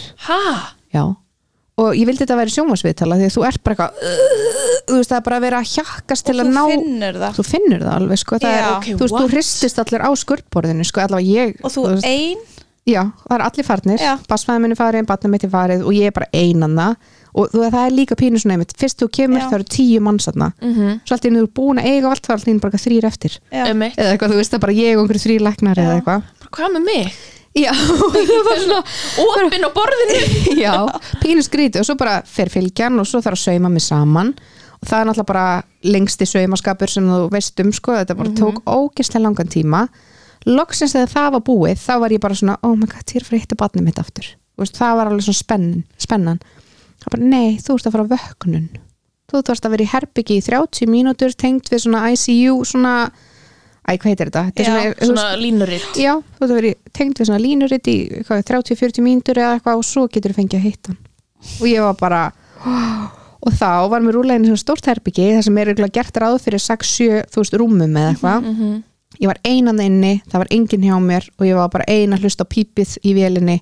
Og ég bara grenjaði og grenjaði og grenjaði, ég var bara og ég bara hugsaði alltaf ljótasta bara Já. hvað ef barnið mitt fekk allt í einu hjartakalla eða stopp eða Já. þú veist Já. hvað ef hann náði ekki andanum og ég veit bara ekkert hvað er í gangi Já. og þú veist, og hann er líka svona nýfættur eða þú veist að hann er bara glæn ég var bara ég var búin að fá þefa á honum í Já, þrjá sekundur ég er ekki búin að fá að halda á honum ekki neitt þannig að What? þetta voru svona erfiðustu mómentin við fæðinguna Mhm. en svo einhvern veginn samt svona allt í kringum þetta, veist, ég hugsa alveg í dag ef ég myndi eignast batni í dag, þá myndi ég örgulega fara upp á Akrans og eiga, því ég átti svo geggjað upplifun þar. Mhm. og bara, þú veist mér minn hún heiti Lóa, ljósmáðurinn og hún var bara svo dásamleg og einhvern veginn svo hlífið mig og eitthvað svona. Og það voru fleiri hana líka. En bara, og svo einhvern veginn fengum við bara svona okkar hjónasvítu með tveim rúmum og við vorum hann í einhver heimilslegt að það ekki? Jú, og vorum hann í einhverja tvo-þrjá daga sko. Að, og þegar við fórum eftir, að því að ég veit ekki hvað sé ennþá svona, en það var sérst þannig að þú varst lengur en tvo daga, það fannst ekki heima já, þjónustu. það er þannig Já. Já, það er þannig ennþá, já. já, missar hann eftir þrjáta held ég Já, einmitt, þannig að eftir tvo daga að þá hérna, er er það svolítið með fæðingu líka í dag, eða bara keisara? Bæði fæðingu, já bæði já. Er það bæði? Já. Já. Að því að hérna, og eftir tvo daga sem sagt, þá voru þær bara þú ert ekki að fara og ég bara, jú, ég var að drífa mig svo mikið heima því ég vildi ekki missa heimaþjónustuna. Þessi fá- Mm. spáið í því samt veist, og við vorum að keira frá Akranes til Reykjavíkur sko. Þannig að ég er nýkomin úr bráðakessara og, bara, og þær voru bara, þú ert ekki að fara neitt bara þú mátt vera hjá okkur í fimm daga Já. og ég var bara, nei, mér langar bara heim, mér langar bara heim þú veist, Mhm. en hvernig var móment að senda hann fyrst að skipta brjóst það var dásamlegt eiginlega bara, eða þú veist, Já. ég, ég einhvern veginn svona ég, ég var einhvern veginn ekki búin að undirbúa minn eitt eitthvað bilaslega mikið fyrir það þú veist, ég var búin að fara eitthvað svona brjóst að gefa námskeið og eitthvað svona, en ég gati einhvern veginn ekki ímynda með hvernig tilfinningin væri Nei. en svo fannst mér einhvern veginn svo svona magnað að vita af því að þessi litla manneskja fyrir fram á mig hún reyðir sig einungis á mig Já. Þú veist, þetta er bara svona það er ég sem held lífi í honum Já. Veist, og ég er að fara að veita honum ást og umhyggju og jú pappans líka og svona en þú veist þetta er bara svona þú ert hérna út af mér. Mhm. hann á mér það svolítið svona magnað. Já, verður nýju fylgi hlutunum hans já, Þú veist það í alveg þetta er einmitt þannig. Þú bara kúkar ekki að pissa reytin í næstu tíu árin eða eitthvað. Ég nýfann að fá frið á klósitinu núna. Og svona, ok. Ég er að tellja niður árin sko. Já, Smá, smá mítæm og hvernig var mómentið þegar labbi heim labbi, já, já var þetta ekki magnað Jú, þetta var ótrúlega notalegt. Það var svona pínu erfiðar aðstæðar því ég bjó í húsi á tveimur hæðum. Mm. Þú veist, og ég gæti aldrei haldið neitt á honum, einhvern veginn, ég veist alltaf bara, ef ég held á honum fyrst í dagana, þá þurfti ég alltaf að sitja með hann. Já, Þú veist, já. þannig að ef hann til dæmis fór að gráta og þá þurfti að standa upp að segja eitthvað, eða eitthvað, ég veit ekki, þá þurfti alltaf einhver annar að gera, þannig að maður er svona ósjálfbjörga fyrstu svona vikuna, Mhm. en svo alltaf bara kemur þetta. varst Já. ekkert lengi að jafna eða Jú, þetta er svag, þetta er nefnilega uppskurður sko Já, og Þetta það er held ég það sem að fólk svona áttar sig ekki alveg Já. á að þú veist eins og, ég veit ekki alveg ég, ég man bara allavega á þessum tíma, þá var svona eins og litið á keisar eins og það var eitthvað svona the easy way out eða þú veist það var svona einhvern veginn, já ok, fættir hann ekki eins og það var eitthvað auðveldara eða eitthvað en þetta var samt alveg svona vist ferli sem ég þurfti að fara í gegnum sem var bara svona pínu sorgaferli. Mhm. þú veist, og ég er alveg ennþá stundum í dag svona að hugsa bara að því að minn draumur er bara að upplifa fæðingu. Já, þú veist, mér langar ekki þú veist, mér langar bara bilaðslega mikið að fæða batn og fá þessa tilfinningu að taka móti batninu sínu og setja það á bringuna og þú veist, þessi er bara svona fallega upplifun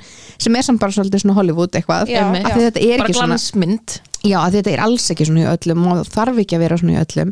Þannig að við tók svona smá ferli bara sem ég þurfti svolítið að sætta mig við að þetta hafi verið mín fæðing og ég var svolítið svona ósátt við hana af því ég hugsa allan tíman ef ég hefði verið til dæmis ef það hefði fattast á 34. viku að hann væri ekki skorðaður það hefði mögulega verið hægt að fara í vendingu eða, svo, Já. og Já. snúa honum Mhm.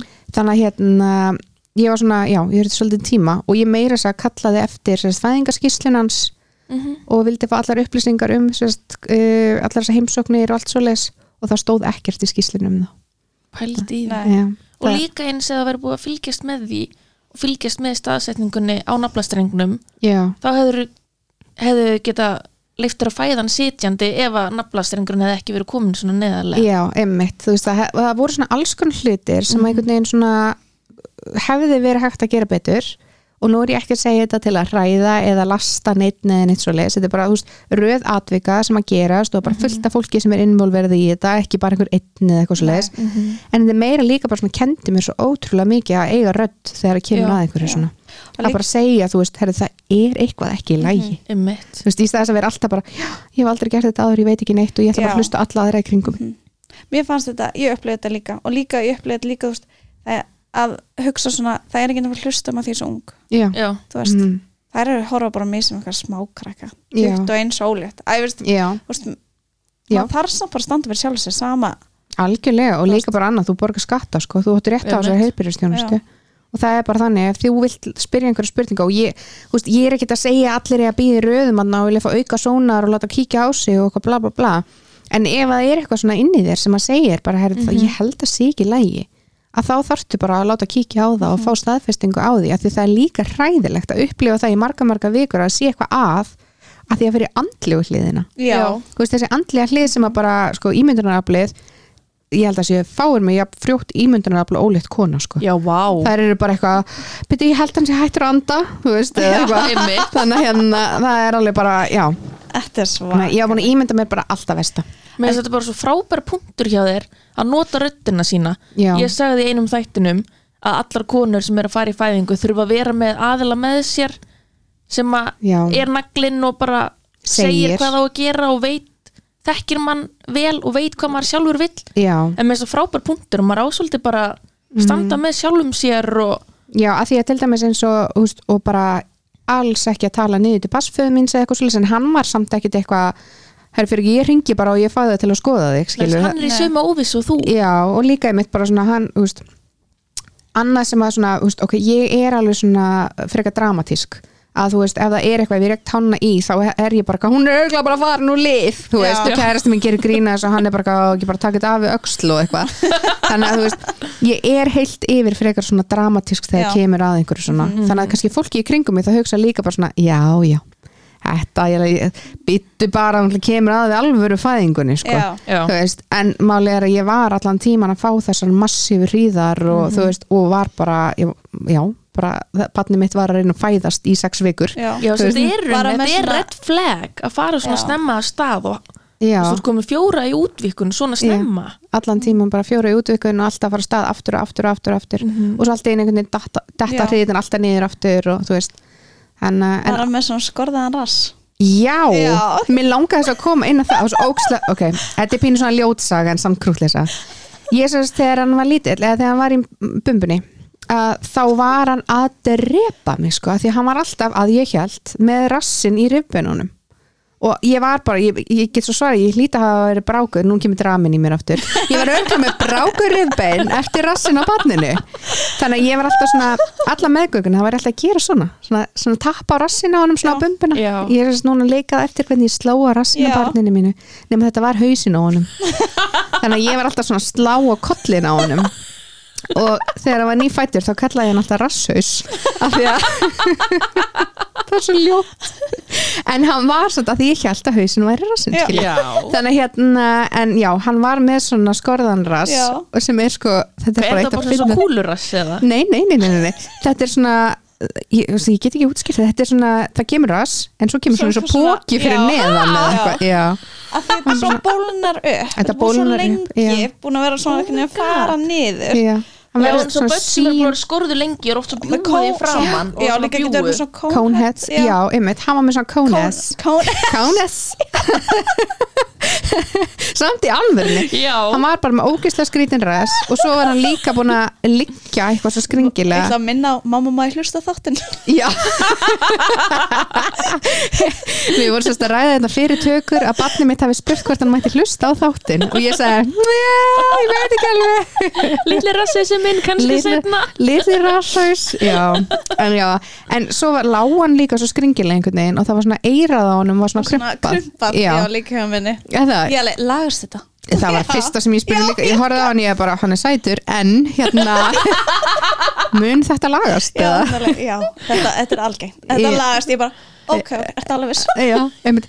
sko annars getur þið fengið að fyrir aðgerð. Eh, getur fengið tíma hérna eftir þrjá manni Nei, Svo fyndi hann að litli rassusinn minn maður, hann hérna fættist með trompi og er bara, já, stórkostlegur. En hvernig gekk svo brjóstakjöfun ef ég maður spyrja Já, hún bara gekk að ég hjælt mjög vel mm. eh, en síðan kemur í ljós er cirka svona tveggja, þryggja vikna, ég var bara ekki að mjólka neitt. Nei, og það er líka annað sem ég langar að benda ykkur á elsku mæður hann úti, að það er ekki sama sem merki að vera með stór brjóst og mikla mjólk. Mhm. að ég var með ógeðslega stór brjóst og það gerði bara allir ráð fyrir því að það veri nóa mjólk í Það þessum. Já, það er bara hérna. til hjá þér. Bara þú getur örgulega mjólka mér í allt hverfið. En það var bara ekki Nei. það var bara engin mjólk og ég bara gerði allt sem ég gat til þess að reyna að mjólka og eitthvað svona. Og allt í hennu verður hann bara svona bilaðslega óvær bara í kringum tvek- tveggja vikna. Já, og við heldum bara að þetta var magakveisa og ljósmóðurinn líka, hún eiginlega talaði bara um að þetta geti verið eitthvað magakveisa og eitthvað í mataræðinu mínu og eitthvað svona. þetta er laukurinn, hann er að skila sig núna. Nei.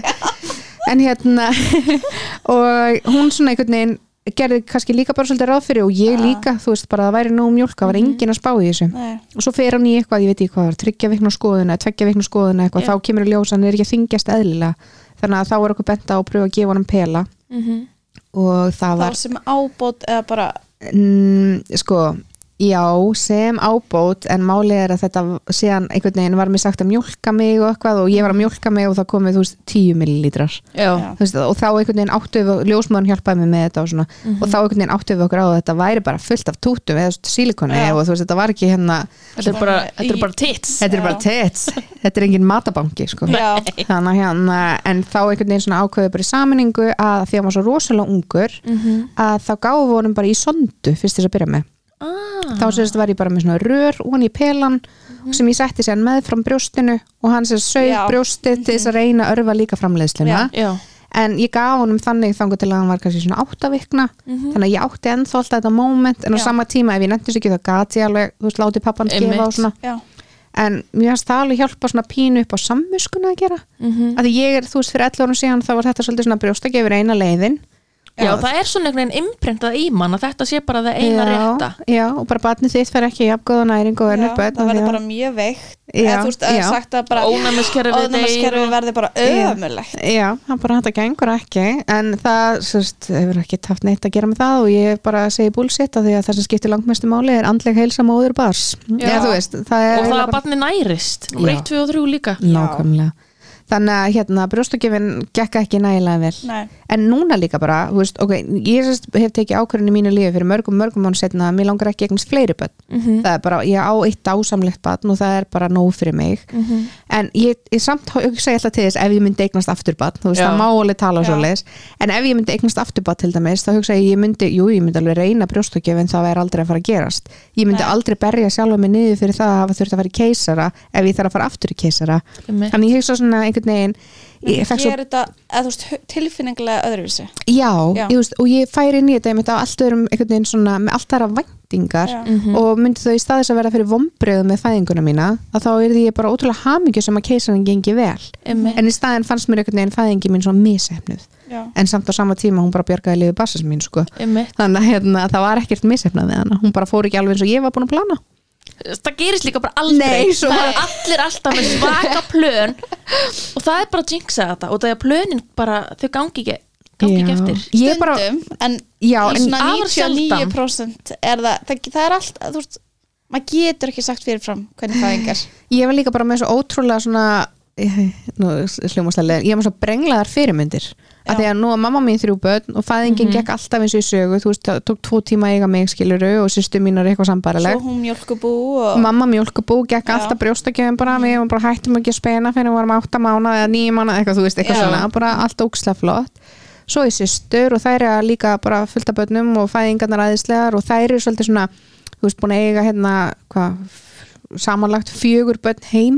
og já, þú veist, bara í heimafæðingu, bara í sundlög heima hjá sér og bara ákslega notal svo bara pöntu pizza og friends og eitthvað og ég var bara, og allir að horfa.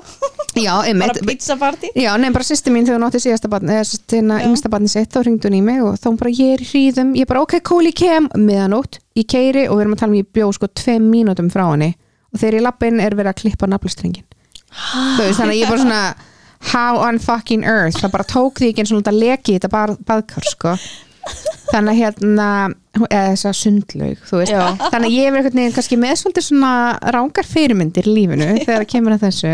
Óraunhæfar væntingar. Já, já. Nei, en það er samt líka bara parturinn af þessu. Við erum alla bara misjafnar Já. og það er bara, þú veist, mín fæðing var bara fæðingin sem ég átt að fá. Mhm. já, og ég er í dag til dæmis er ég bara svona, vá, þetta er svona mögnuð upplifin og, og þegar ég segi, þú veist, öðrum konum frá því bara svona, já, og svo bara fór ég í keisara og þá er fættu gegnum fæðingavegin þannig að en mér fannst bara einhvern veginn svona já, ég veit ekki alveg þú veist hvernig maður getur útsig mér fannst svona eins og þetta hafi verið svona ekki rétta leiðin eða eins og fólk hafi haldið að þetta verið auðveldar leiðin en það var held ég bara meira fordamari sjálfur mér sko þú veist, að því ég var alltaf búin að hugsa, já, stjórnir í bandaríkjunum þær fara bara í keisana því þær vil ekki hérna skemma eh, her vagina eða eitthvað, þú veist já, já, en það bara snýst ekki neitt um það því Nei. að píkan á mér var alveg í rústi þótt ég að fara í keisara sko, því Já. ég var búin um útvikun og bara og bólgin bjúgin og bjú Já. og, já, einmitt, þú veist, að þetta var alveg Já. bara bara á nýjunda mánuði er þetta bara horrorsjóð þarna niður. Já, bara, kann daginn ég er komið braslist og bara, þess að svona, ég gæti ekki verið í nærbjöksum sko. nei, þetta Það var ég, ég var sko, það svo fyndin að því því ég var komið mjög langt að leið, þá fór ég einu svona í styrtu svo er ég bara styrtinu og eitthvað, kem út úr styrtinu og fatt að ég er ennþá í nærbuksunum en þú verður svo dofin og bjúið að þú bara finnur ekki einu fyrir því að þú ert í nærbuksunum, ég var búin að styrta mig sko, þegar ég fatt að ég er ennþá í nærbuksunum þú bara sér náttúrulega ekki neitt um Nei. mig, skilurðu. og þetta er allt eitthvað orðið svo eitthvað skrítið.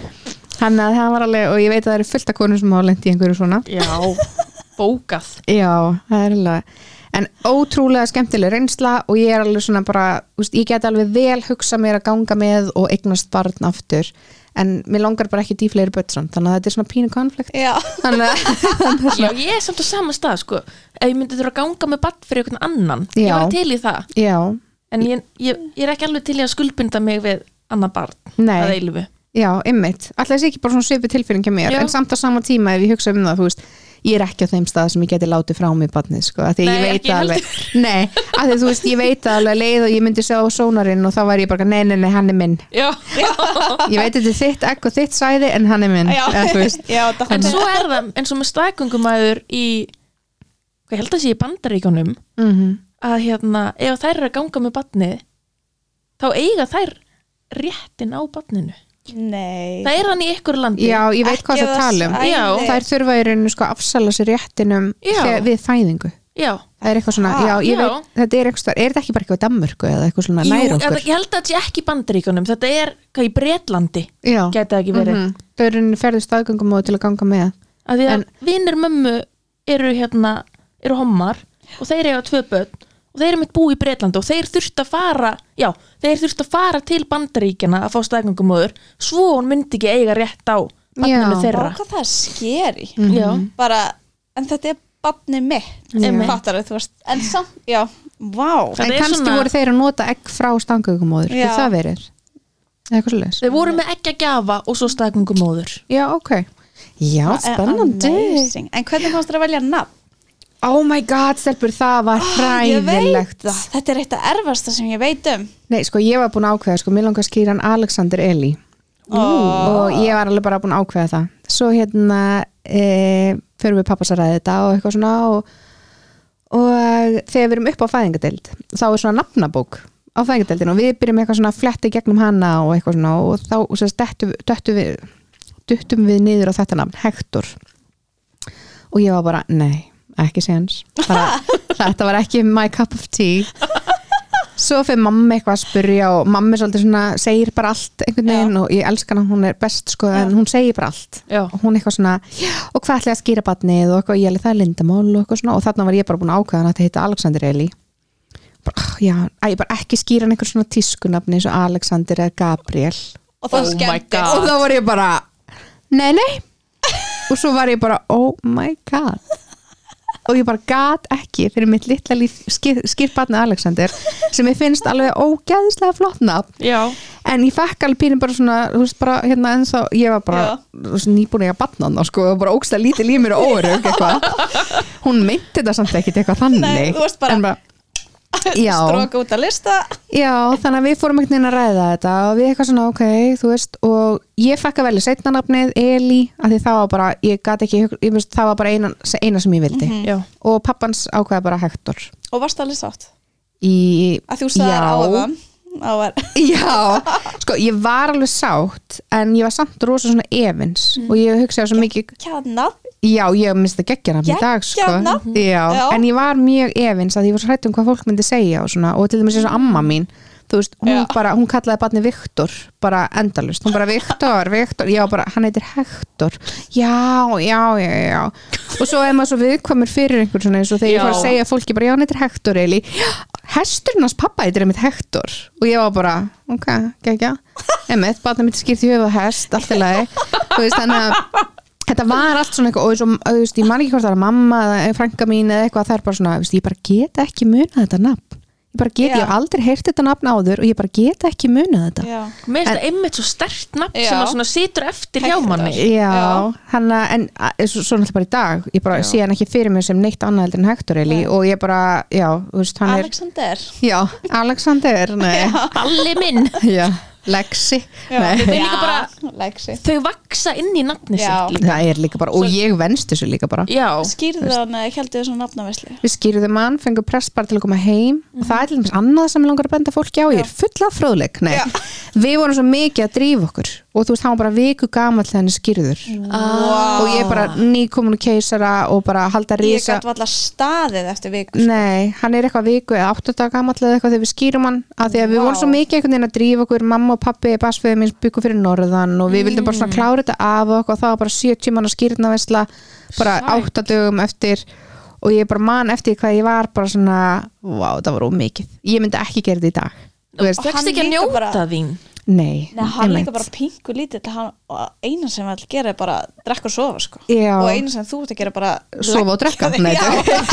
Sofa og Sofa- gefa að drekka sofa og drekka vatn sko. þú veist það er bara já, þetta það er mjög alveg þannig, Já, en einhvern sumi veginn gerir þetta svona sko. Já, einmitt, ég snemma. það svona aðeins svo ég sé pínu eftir að hafa gert eða, þú veist, þetta skiptir engum máli í dag sko, Nei. en ég hugsa bara svona ef hann hefði verið mánaða gamall það það hefði líka, já, öruglega og náðu undirbúa mig og ég var náttúrulega bara ennþá eins og ég væri komin sjö mánuða leiðskilur því á, eða Já. við höldum veistluna Já. þannig að allar skýrnamyndirnar, ég hata þær ég er bara svona ég, það er eins og ég sé óleitt ennþá þarna sko. Að einhvern veginn ennþá ógsta bjúið og bara í útreinsun og ekki. og svo ennþá í útrensun Já. af öllu Mhm. og ég bara líka ennþá með bleiðu sko. Þannig að hérna, þetta var eitthvað eins og svona þú veist, oh, það var ekki ég hefði viljað byggja með þetta sko. Ég skil ekki af hverju tæknin er ekki komin að ef maður fyrir keisara að setja að sé bara að sjúga þetta upp það er samt eitthvað svona þegar þú fer í keisar þá er held ég minni útrönsun Er það? ég veit það ekki alveg en mér minnir einhvern veginn að það hefur sagt við mig ég er ekki samanbörðin sko. Nei, ekki heldur Þannig, en ég, þú veist, ég man ekki nákvæmlega hvað ég var með lengi um útrönsun en þetta var alveg þú veist, nokkri dagar ef ekki Þetta vikur er sko. bara, Já. þetta er bara ógíslegt Já. Man ennur skil Nei, og líka bara svona þú veist, er ekki nóg að þurfa að sjá um brjóstakjöf og, og ég man svo, situr svo í mér þegar ljósmáður komin sem tíminn segja þá bara alltaf þú er með hana brjósti þá þú að gera grindabótsæfingar og ég var bara ok vinkona. Bara, er ekki bara, þú veist, vil ég henda á mig fleiri verkefnum eða, þú veist, ég er bara hérna að kynast sjálfur mér upp á nýtt, ég er í Já. útreinsun og ég er með batna brjósti og ég á að fara að gera grindabótsæfingar núna. Bara, Ég er bara að hlaupa marathon í leiðin Já, það var svo ótrúlega skrít en hún var samt ekkert að meina endilega að gera þetta núna eða eitthvað, en ég man bara svona, var bara, já ok shit, þetta er bara prógram. En það er svo mikið rægt að gera greinsabandnaæfingar Já. Ég er að díla við það í dag sko. Er það, já, Ég, er, sko, ég er ekki að taka af hérna gildi grindabótsæfinga og ég, þú veist, en hérna en það er kannski aðeins svo mikið það barnið Ég, er hún 15 sagði þetta líka um mig sko. Ég, Er bara, það? Já, ég kann valla að gera greinsabandnaæfingar sko. Nei, Ég myndi ekkert muna, hún var bara að segja Hún sagði við mig, mynd, reynda að muna eftir því þú ert ekki að byrjast, ég held að þetta sé eitthvað svona tækni hjá þeim. Já, að einmitt. svona, já, ég er búin að koma skilbúin leið. Já. þú veist. En svo, Svo er bara veist, þú er Já, fyrstu dagana í brjóstukjöfni þá er maður að fá samdrætti í leið já, og þeir geta verið sárir þá maður ekki Ógeðslega alveg eitthvað að fara að klemma grindabotnin nei. Já, ég man bara, ég var að taka verketöflur og hvað það fyrst Já. að byrja með, sko. Ég Já. var alltaf líka í keisara en veist, það er samt svona, ég man alveg, ég þurfti að taka alveg verketöflur og átti erfitt með að labba upp tröppur og eitthvað svona. Ég Þannig var að, bara ég var mest stressu með útrinsunina ég held að mamma hafi sagt við mig ég veit ekki hvað var henni að ræða mig hún var ekki, já, svo kemur heimanljósan og hún skoðar dömubindið. Já, nei. Hæ? já, og hún myndi skoða útrinsunum mína Þannig ég var alltaf bara með kvíða kúkin í buksunum þegar ljósbánum kom. Ég bara, "Á ég að gera niður með núna. Hvað var að gera þetta? Ef við af hverju ættu hún að vilja sko hún það bara að kanna hvort það væri, þú veist Eitthvað ferskt eðlilegt blóð eitthvað. eða eitthvað? Já, já, Nei, já. þú veist, ég, bara, ég get ekki ímyndað mér af hverju. Hún sagði bara þetta hafi alltaf verið gert og hafi verið gert hjá henni. Ég bara fyrir 27 árum kettling. En er hún kannski, væri hún bara að kanna hvort það væri svona eðlilegt magn eða eðlilega Já. ég að hún út í magni sko, en hún baði aldrei um að skoða nei, ekki góða bara- skiptin Segðu þetta vinkona? Já, Já, ég Ég er bara, að- þetta eru tvær mæliskeiðar. Já, ég er búin að vera að sapna fyrir þig. Og í- skipti ekkert um í dag Herri, en hún langar að spyrja það gerður. Þið hættu saman þegar hann tveggjara þú snýpir með rekstur Já. blöss. Já, tiltölulega nýpum já. Já. kannski búin að vera með blöss í svona eitt ár. Mm eða nokkra mánuði allavega. Þá hættum við saman. Og það var svolítið bara svona já, sameigli ákvörðun hjá okkur. Við bara fundum svona, við vorum að vaksa í sundur og við vorum einhvern veginn ekkert á leiðin í sumu áttina og okkur langaði svolítið bara að fara í sikkur leið, leið í lífinu sem að var held ég bara besta ákvörðun sem við höfum tekið. Fyrir bæði Já, já að því einhvern veginn saman vorum við ekki nægilega hamingjusum, við vorum alveg ágætis vinir en það voru samt bara svona hluti sem pyrrðu okkur við hvort annað. Þú veist þannig að það var svolítið svona einhvern veginn tensjón á heimilinu og þetta var bara, bara ekki ástfangin lengur? Nei, það vantaði, þú veist, ég bara, ég, ég elskan hann mann af því hann gaf mér batni mitt og ég bara ber ótrúlega mikla virðingu fyrir honum en það all, það var einhvern veginn þannig. já, Þannig að við sem sagt einhvern veginn bara tökum þessu ákvörðum sameiginlega um það að hætta saman og út frá því einhvern veginn bara svona myndaðist einhvern veginn ennþá betri vinskapur. Veist, auðvitað, ég er ekki að segja þetta sé bara búið að dansa á rósum, auðvitað hafa komið moment og ég hef oft sagt fólki frá því bara svona, ef það er einhver aðili sem hefur séð mig á mínu vestu stundum þá er það basfæðið minn, sko. Já. Mhm. af því að það er einhvern veginn, ef ég verð reið þá get ég orðið ógeðslega reiði hann Já. en þú veist, ekki kannski í dag en þegar við vorum að hætta saman já, þá einhvern veginn svona bara allt sem gekk illa í mínu lífi var bara honum að kenna. þá var honum að kenna og það bara bitnaði honum. En ég svona leta veist, bitna á já. honum einhvern veginn. Mhm. en þetta er ég líka svona, kannski manneskan sem er búin að vera næst þér svo lengi. Já, þetta er einhvern veginn svona öryggisneti og það er yfirleitt auðveldast að já, bregða svona við og æsa sig við fólk sem er nálagt manni. Já, örglega það er einhvern veginn svona allavega einhvern veginn hafði hann þessi áhrif á mig að ég sínt mínu vestur hliðar við hann sem að ég bara sem betur fyrir þarf ekki að gera lengur og hef ekki þess að þörf lengur að vera eitthvað svona í dag ber ég bara bílaslega mikla virðingu fyrir honum og ég, við erum bara svona sameigileg fjölskylda. Einmitt. þú veist, ég heyri honum nánast daglega og eða svona þannig séð, samt Já. bara tengt barnin okkar. En það er ekkit og hektur á náttúrulega í dag stjúpmóður sem að við erum líka bara alveg dásamleg stelpa. Og ég man bara þegar að hún kom fyrst inn í lífið hvað það var veginn svona skrítin tilfinning. Já, Já. þú veist, við byrjum strax bara í upphæfi með svona viku og viku fyrirkomulag Mhm. bara strax tveggjara já, já, það var eiginlega einhvern veginn bara það var ekkert annað í bóði Nei. við vorum bæði bara ótrúlega illa fjáraslega stödd þannig þurftum bæði að vinna ótrúlega mikið til að eiga Mhm. onni okkur á og viku og viku fyrirkomulega kom einhvern veginn bara strax til greina hann var að vinna í viku og þrý í viku þannig að Mm. hann gatt, þú veist, verið með barni í viku og þá vikuna var ég þá bara að vinna meira Einmitt. og það var svolítið svona skrítin en samt veist, ég sko, að því er svo marga mæði sem allt, ég get ekki hugsa mér að vera bara með barnið mitt aður hverja viku, bla bla bla. Þetta er bara, hafa ekki prófað þetta. Þetta er bara mögulega eitt af besta sem hefur komið fyrir mig sko. eða þú veist svona í, þú veist, sem móðir að þá er ég bara miklu betri mamma þessa viku sem að ég var veist, með barnið mitt heldur en ef ég hefði alltaf verið með hann og hann hefði fyrir aður hverju helgi til pappa sinns þannig að ég ég einhvern veginn svona Eða viku, hún væri inn á þínu heimili með þér 365 dag á ári. Já, Hún er að einmitt. gefa miklu meira frá þér. Já, og líka bara einhvern veginn, þetta var bara svona mömmuvika og þá var ég bara einbytta mér á honum. Svo náði ég bara að næra sjálfa með hina viku Já. veist, það Já. var svolítið svona þannig að þetta var fljótt að venjast og bara gekk ótrúlega vel. Síðan uh, kynist basfæði minn kæristun sinni og ég man bara mómenti þegar þið byrjuðu saman af því að, og ég vona hún hlusti á hana þátt af því hún er svo dásamleg. En ég man mómenti þegar þið byrjuðu saman og það bara, það byrjaði með einhverju skvísu sem að hérna uh, ég man eftir henni bara af djamminu. Og ég var Já. bara svona, ok, þetta er bara ballaus stelpa sem er bara svona djammari, hvað er hún að, veist, það var mitt viðhorf, sorry, al- bara sorry alfa, þetta var ekki, ég myndi ekki persónulega, en ég var bara svona, mhm, og allar hún að fara að hugsa um barni mitt, Já. Þú veist, ég fekk þetta alveg svona fyrst þess að byrja með, Þetta er bara mamma ber gýrin Þú ert bara að Já. vernda vatnið þitt. Nei, nei maður, já, erfitt að deila þessu hlutverki Já. fyrst já, en aðal, aðal hugsunum mín var bara svona, er hún að fara að nenna þessu? Já, ok. Þú veist, er hún að fara að sína að vera móðir, skilur, hún á ekki batn og veit ekki hvernig það er, af því að líka þú veist, basfæði minn er pappi hann Já. er ekki bara eitthvað aðra hverju helgi eða eitt og eitt skiptið þegar honum hendar hann er bara viku að viku og þá viku sem hann er með batni, þá er hann pappi barsins alveg bara, þú veist, allan daginn. Þannig að ég var eitthvað svo hrættum að þetta væri kannski of mikið fyrir hana eða eitthvað, en oh my god, sko, hún sannaði sig svo heldur betur og bara hún, þú veist, Hector er bara eins og batni hennar, þú veist, hún tekur hann bara eins og sínum eigin Það er svo fallegt að geta tekið. Annar mann en gæsaleppa bann og hugsa svona vel um það. Já, og færa svo miklu hlýju hjartað. Algjörlega. Og það er ekkit hver sem er sem gæti þetta. Nei, að að ég bara alveg sammála og Hector var svona pínu í uppleið pínu svona óryggi hjá honum fyrst þess að byrja með. Hann var alltaf svona, mamma hérna þegar ég var kannski að koma, ég man ekki alveg hvernig aðstæðnar voru en hann var alltaf svona, vilt þú ekki koma upp? Vilt þú ekki koma í heimsók til pappa vilt þú ekki borða með okkur í kvöld? og eitthvað svona Já. því að hann var alltaf svona að reyna að finna að það væri lægi á mill okkar. Já, og ég held svona eitthvað, þú veist, ég gæti ekki borðað með þeim öll kvöld, sko, þú veist, þannig ég var bara eitthvað, ekki núna ásti mín, þú veist, en svo stundum borðuðu við öll saman sem fjölskylda og eitthvað svona, það var alltaf góð með það. Vá, nei, vá Já. Það er ótrúlega flott Já, við Það er ekki sjálfgefið Nei, en í dag til dæmis þá er það bara kærasti minn fyrir inn á heimili hjá fóreldrum bassföðus míns og við sitjum Já. í kaffi og þú veist, um daginn voru við á Akureyri og þá voru þau að passa hundin okkar og þú veist, þau eru bara, Svona á að gera þetta því Hector er svo heppin já, að eiga fjóra klálega og auka setta ömmum og öfum og hann á bara fullt af fólki í kringum sig, sko. En svo man ég svo vel eftir mómentinu þegar að hérna, Hector kemur til minni fyrst skipti og hann segir, mamma hérna, ég á tvær mömmur.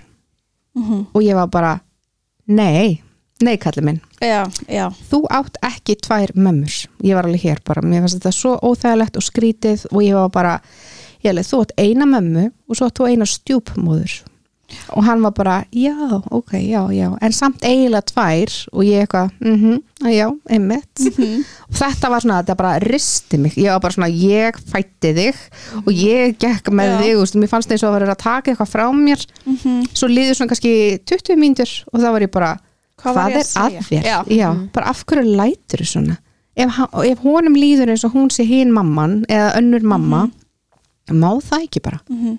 Hún er með honum jafn mikið og ég já 50-50 þú veist, af hverju ætti hann ekki alveg eins að geta upplegað móðutilfinningu til hennar eins og hann getur upplegað Já. til mín? Þannig að þetta var einhvern veginn svona já, þarna áttaði ég mig svolítið á því já, við erum að deila barninu. Já, og líka bara að því að nú eiga hérna bönnin okkar stjúpfóreldra líka já, bara það, það er svona það er svolítið hugreistandi að vita það að barnimanns geti leitað til einhvers annars. Mm en það er þetta tröst, maður veit bara að það er í góðum hundum ekki það að það er, barnið er í góðum hundum með pappa sínum, Mhm. en það er oft þetta mæðra intuition. Já, já, svona konur fara yfirleitt kannski aðeins fínni í hlutina. Já, einmitt. Eða sérstaklega eins og ég með stelpu.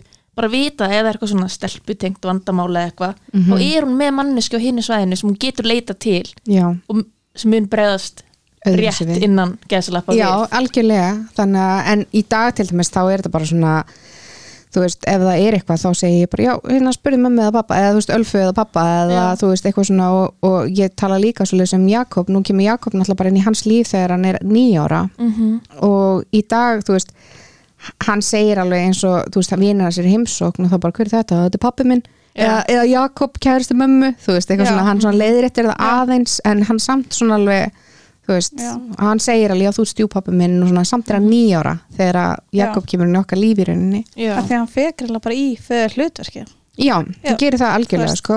á þessa viku. Já, samt sagði ég alveg Jakob þegar við byrjum saman að því hann var svona pínu stressaður að vera stjúppappi að því hann var ekkert bátt fyrir Já. og var ekkert ekki búin að sjá fyrir sér að hann myndi eignast börn og svona hann alveg, ú, ég er ekki viss hvort ég er tilbúin að vera pappi ég eitthvað, nei, ekki spá í þessu þannig. Þú ert alltaf, þú ert, Hektor er það gamall og hann á pappa og hann á ömmu og afa og fullt af fólki kringu sig. Horfðu bara sjálfa þig eins og þú sett svona skemmtilegi frændin já, Einmitt. þú veist, verð þú bara skemmtilegi frændin en svo bara einhvern veginn ósérátt þá bara fór hann meira í þetta svona pappa hlutverk þú veist, hann getur alveg sagt, herðu, Hektor minn, hún ert að ganga frá eftir þig. Já. skilur það er ekkit alltaf bara hega fyrir íspíldúr já, já. já, alltaf hann helga pappi já, hann er Já. ekki helgapappin nei, Er mamma að skamma þig? Kíkjum bara og kaupum nýtt út. Já, nei, einmitt, þetta er ekki svoleiðis. Þetta er alltaf bara svona, já, spurðu með mína eða hérna, nei, við, þú veist, við viljum ekki taka þessa ákvörun eða eitthvað svona. En hvernig fannst þér að vera svona einhleip mamma? Um, heilt yfir þá fannst mér það betra heldur en að vera í óhamingisum sambandi þú veist, þannig að ég held að það hafi alltaf verið svona kannski ljósi punkturinn í þessu en þú veist, fjárhagslega var þetta ógeðslega erfitt. Við honum bara áttum engan pening og þetta var alveg svona vist púsluspil og maður einhvern veginn bara svona já, þurfti að passa upp okkur einustu krónu. Svo einhvern veginn samt líti á þetta í dag eins og að Hector, hann er mín staðista ástæða fyrir velgengni. Já, Þú veist, mér hefði aldrei gengið svona vel ef ég hefði ekki haft það, hann mér við hliðið til að segja bara þú veist, þetta þarf að ganga upp mamma sko, við þurfum að geta borðað og við þurfum að eiga hérna bíl til að þú getur skuttlast og eitthvað svona. Það gefur höfuðið og já, fyrir utan það náttúrulega.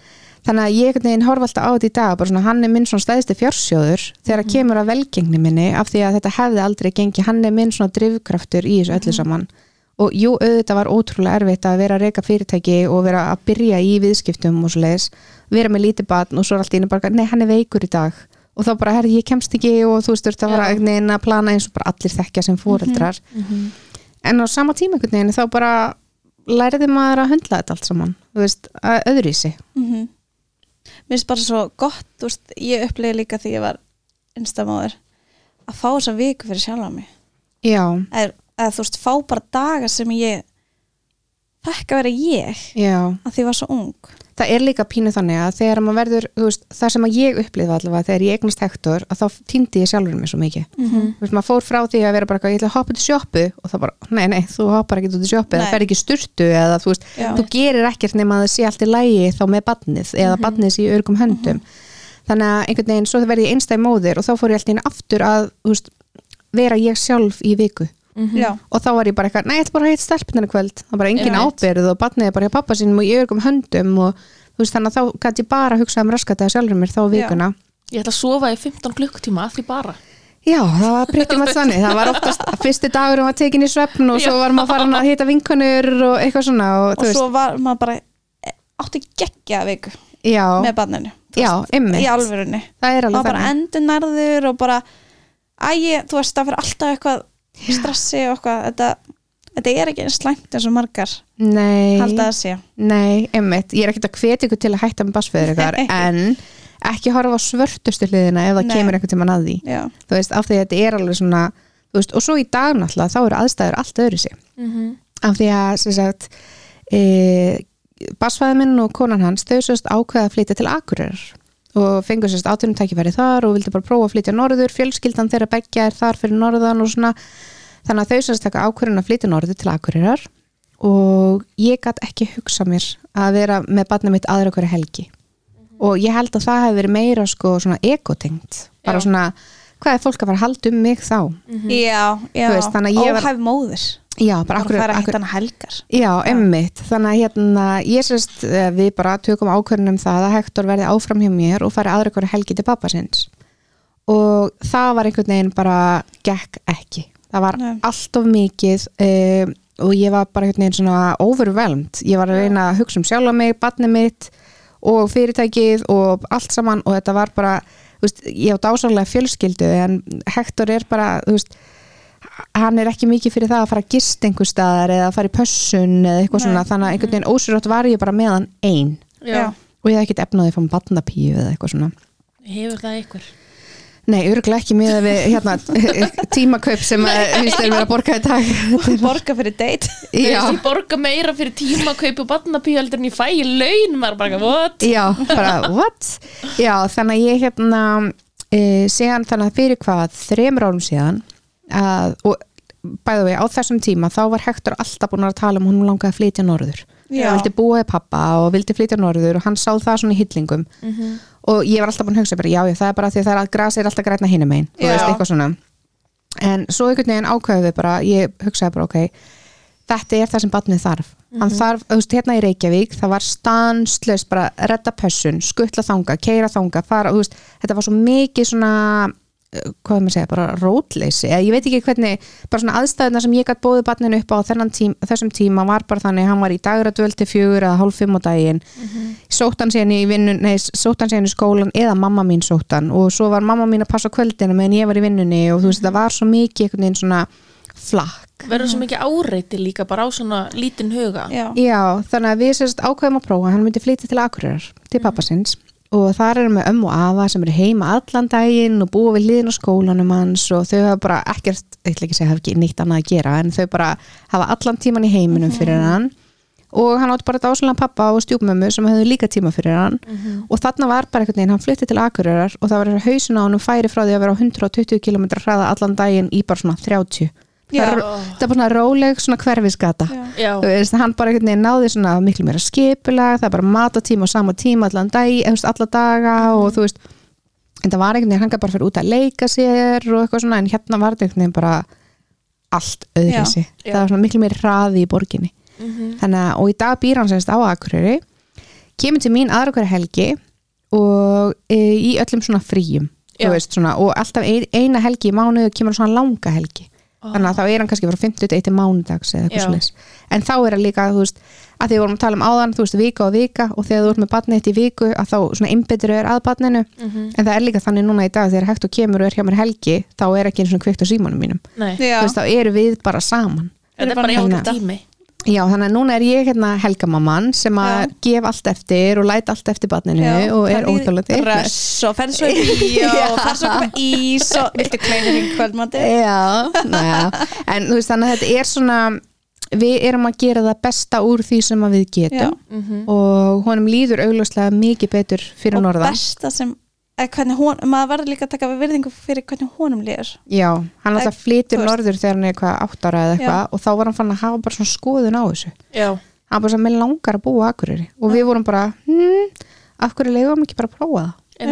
Veist, þannig að og hann fekk bara að prófa það og hann líður fáránlega vel fyrir norðan, hann er búin einhvers miklu fyrir vini og þetta er Já. svona einhvern veginn auðveldra Já, hann að, og svo líka bara, já, leiðum maður finnur að barnið sitt sé svona að róast Mhm. að, og komið svona meira, hvað maður segja, svona stöðuleiki Já. í hans svona andlegu hlið og svona að þá einhvern veginn veit maður bara, já, þetta var rétt ákvörðun. Mhm. en að, ef honum ditt í huga morgun og hún langaði að flytja til Reykjavíkur þá var hann bara velkomin veist, þannig að það er ekki þannig að þetta hafi bara svona, já, nei, þú þarf bara að fara.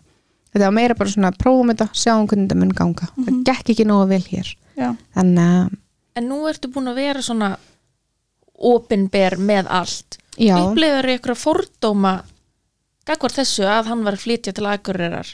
Já, ég gerði það nefnilega. Er það ekki? Jú, það var fólk alveg svona, oft svo ljótt með svona. Já, já, mér er svona ég er enda svona að tæklaði það bara eiginlega strax og bara kom ópenbarlega fram og ég sagði bara, þú veist, af hverju á badnið að við búa hjá mér ef honum langar að búa í pappa sínum hann á þú veist, full fær, færan föður til þess að sjá um sig og stjúpmóður og ömmu og afa og þú veist allt þetta. Af hverju á ég þá að halda því frá badninu mínu ef hann vill búa þar Einmitt. og það er ekki þannig að þetta sé svona hann hafi slæmt heimili og gott heimili. Hann á tvö frábæra heilbrið heimili og hann gætt bara valið hvort hann vildi. Og ég ætla bara að segja algjörlega fyrir sjálf mig, ef ég væri tíu ára gammal batn í dag, þá myndi ég freka vilja búa á Akureyri heldur en Reykjavík þar sem að er bara svona lítið sveitasamfélag þar sem að frænkaðin býr við hliðina og amma afi við hliðina og pappi býr hér og þú getur lappað sjálfur á æfingu í stæðis að láta skuttlar upp í eilsöll einhver stað lengst í þú veist. Einmitt. þetta er bara einhvern veginn svona frítt í strætó, hann getur bara hoppað upp í strætó og þú veist, í dag skilji hann, Já. hann er bara svona einhvern veginn miklu rólegra og innfaldara einhvern veginn Mér finnst það svo flott Já. eða þú veist, Já. að koma fram með þetta því að það er ekki allir sem myndi þóra því að fað, eða, þú átt ekki engarétt að batinu þú átt ekki engarétt á það að segja bara nei, hann er hjá mér Mhm. þið eigi hann 50 Já, 50 algjörlega, en líka undir Og hann- öllum kringumstæðum ef það væri ekki heilbreytt og gott heimili hinum Já. megin, þá myndi ég náttúrulega segja nei eða ef ég teldi að það væri ekki í hag barsisokkar að búa Já, á Akureyri já.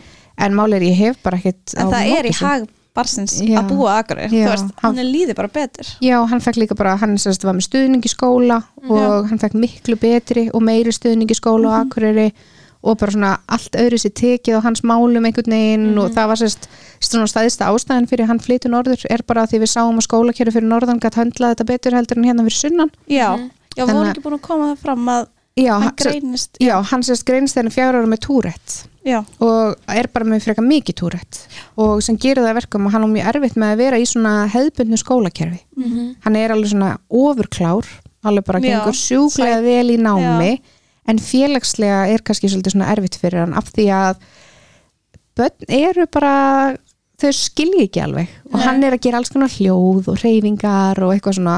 Og skiljanlega kannski að þá veldur þetta kannski pyrring inn í kemslistofum þegar hann er alltaf eitthvað, eitthvað þú veist, kallandi eða lemmi borðið eða eitthvað Já. svona. Þannig að hann þurfti kannski svolítið svona minna skólakerfi. Mhm. og í dag til dæmis er hann í skóla sem þau eru fimm saman í bekk. Og þetta er bara svona, Vá. já, bara pínu lítill bekkur. Og bara svona vel hugsað um hver, þarfir hvers og eins nefnda já, þannig að hérna, og það er sérst bara aðal ástæðan fyrir að hann flytja norður sko, til þess að hann fái þessa þjónustu. Og fáið bara að vera hann sjálfur án þess að upplifa Já. áreiti fyrir það. Og svo er líka bara miklu auðveldara eins og til dæmis að segja við hérna uh, í þessum skóla sem hann er í þá er sérst 20 nefnendur í heldina og eru 5 í bekk, eru fjóri bekkir. Það er miklu auðveldara að segja við þess að 20 nefnendur já, þetta er hann Hektor, hann er með túrætt og túrætt virkar svona heldur en að þú ert í 800 manna grunnskóla Einmitt. þar sem að allir hérna er að fara að stríða þér af því að þú ert að gera eitthvað skrítið eða öðrísi eða eitthvað svona. Þannig að hérna, já, ég held að það, það er sér náttúrulega kannski stæðsta ástæðin fyrir því að honum líði betur. Er Já. að því að hann er bara í skóla sem allir vita bara er með túrætt og það er bara alltaf læg það er bara alltaf læg nákvæmlega. Hann er bara svona. Það er bara eins og badd sem er með nefrensli eða hósta eða Já, veist, hann, er bara, veist, hann er bara svona.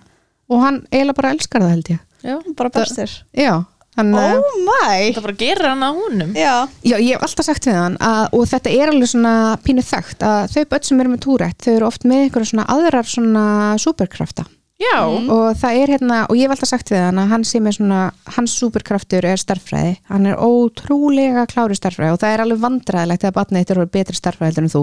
Hann er 11 ára og ég er að reyka fyrirtæki. Þú veist, þannig að ég er bara bara svona komið bókara. Já, þú kom bara með fjármálastjór sko. já, ég kom með fjármálstjóri að fyrirtæki þar sem hann er bara neymam og þetta er ekki já. en hérna en hans superkraftur er bara að vera geggjari starffræði og það er svo gott að viðhorfi hans snýst svolítið um þetta. Hann er bara svona, já ég er með túrætt en ég er líka með superkrafta því ég er með túrætt þess vegna er ég svona góður í starffræði því ég er með túrætt þannig að hann svona einhvern veginn næra að e, hvað ég segja, bara svona búa til að besta úr þessu bara svona hei, eins gott að ég er með túrætt annars væri ég ekki svona góður í starffræði en, uh, og svo líka bara mikilvægt að vera með góða fyrirmyndir. Mhm. þú veist, í dag til dæmis í samfélaginu okkar þá er túrætt orðið miklu svona þekktara og opnara. Já, og uh, fyrir þá sem veit ekki hvað túrætt er þá er það sérst svona ósjörra reyfingar og kækir og það getur fyllt þessu alls konar svona þráhyggjur og alls konar svona uh, kannski svona hegðunarmynstur sem Já. að er kannski erfitt að brjóta. Að því að þessi börn upplifa svona rétt eins og þið upplifið tilfinningu að þurfa hnerra það bara verðið að hnerra. Eða Já. einhver klæjar einhver staðar og þá verðið að klóra einhver. Og þá upplifa þessi börn sér þannig að þau þurfa bara að gera eitthvað hljóð. Og þau bara geta ekki, þau bara verða að koma sér hljóði frá sér eða einhverja hreyfingu. Þannig að hérna í dag er túrætt orðið svona aðeins ópenbæra í samfélaginu og það er fullt af frægu fólki til dæmis sem er með túrætt Mhm. og það er svo ótrúlega gott fyrir litlubönnin sem að eru að klást við þetta að vera með einhverju svona flottar fyrirmyndir fyrir fram að sig og sjá bara, herðu, hérna Stefán Karl, hann var með túrætt og hérna er óksla flottur leikari og leikur í Latabæi og, og svo er hérna, þú veist, söngvari og ísokkispilari á Akureyri og strákurinn minn spilar ísokki sem er með túrætt og hann er bara bilaslega flott fyrirmynd fyrir batnið Já. mitt skilur og svona, þannig að og ég held að fullt af þessu fólki hefur ekki hugmyndum að það getur verið fyrirmynd fyrir aðra lítil börn geta hort upp til þeirra þannig að ég held reyndar að þessi strákur í ísokkinni viti það því að Hektor er búin að stoppa hann nokkur sinnum. Já, hæ, her, ég er með túrætt eins og þú? Og hann er bara, já, ok. Súperkraftur? Já, hver er þinn minni súperkraftur? starfræð já, mm þú kannt að hann kann að syngja þessi. Já. já, já, mm Herði, ég hef heyrt líka að fólk með túrut leða að byrja að syngja þá hætti svona texið já, það er eins og með Hector til dæmis. Hann er, hann gera eitthvað svona sem hann er ástri á. Já, eins og þegar hann spilar ísokki til dæmis. Veist, þetta er bat sem getur ekki skrifað vanalega eins og í kennslustofum og svona, þá mm Hector mjög erfitt með að halda blíhand Já. Þú veist, þetta er bara mjög erfitt fyrir hann. Já. en til dæmis hann getur haldið á ísokki kilfu Já, ekkert mál. Já. og hann getur skauta og skauta og það er ekkert mál. Hann er ekkert eitthvað eins og vanlega þegar hann gengur þá er hann með einhver kæki kannski í mjöðmunum eða öxlunum eða eitthvað. Mhm. en það bara hverfur þegar hann er í hokkíinu já, að því hann er svo mikla ástri fyrir Mm. eða eitthvað, það er eitthvað, man ekki hvað var mér fannst þetta magna þetta er eitthvað svona, þú nær bara að trubla heilastöðarnar Já. þú, þú heldur heilanum það uppteknum og þú Mm. nærði ekki að einhvern veginn. En, að, já, það er alveg veist, þannig stundum að þá er kannski besta ákvörðunin sem þú tekur er að sleppa svolítið takinu og e, játa sig sigur að þann og ekki að láta sig svona drífa sig áfram á einhverju egoi af því ég var alltaf svo hrættum að fólk myndi dæma mig og myndi Já. hugsa bara, "Já, hún er óhæf móðir já, Já. já, einmitt, hérna píjan hann í kynlífstækja veslunni, já, hún er ekki með badnið sitt, pappin er búin að taka badnið eða eitthvað svona taka Einmitt. en já. það er ekki þannig Nei. og þú veist, þetta er bara í dag er þetta bara svona stór fjölskylda, við tölum öll saman Mhm. og það er engar ákverðinni teknar, einhver svona stórar ákverðinni lífi bassisokkar nema að það sé bara tala saman allir tala saman já. og bara samvinna já já, og þú veist, og bassfæði minn kemur í heimsókn og við fyrir í heimsókn til þeirra og það er bara einhvern veginn, já og svo er líka 2020 þú getur ringt í hann hvenna sem er. Vídeo eða hljóði. Já, og það er einmitt svona búið að vera pínu erfitt núna náttúrulega út á COVID. Já. að því að núna til dæmis uh, er Hector það mikið hjá svona afa og þau eru bara svona í áhættu hóp Mhm. og þar að leiðandi höfum við svolítið tekið ákvörðunum það að hann sé ekki að fara mikið á milli núna.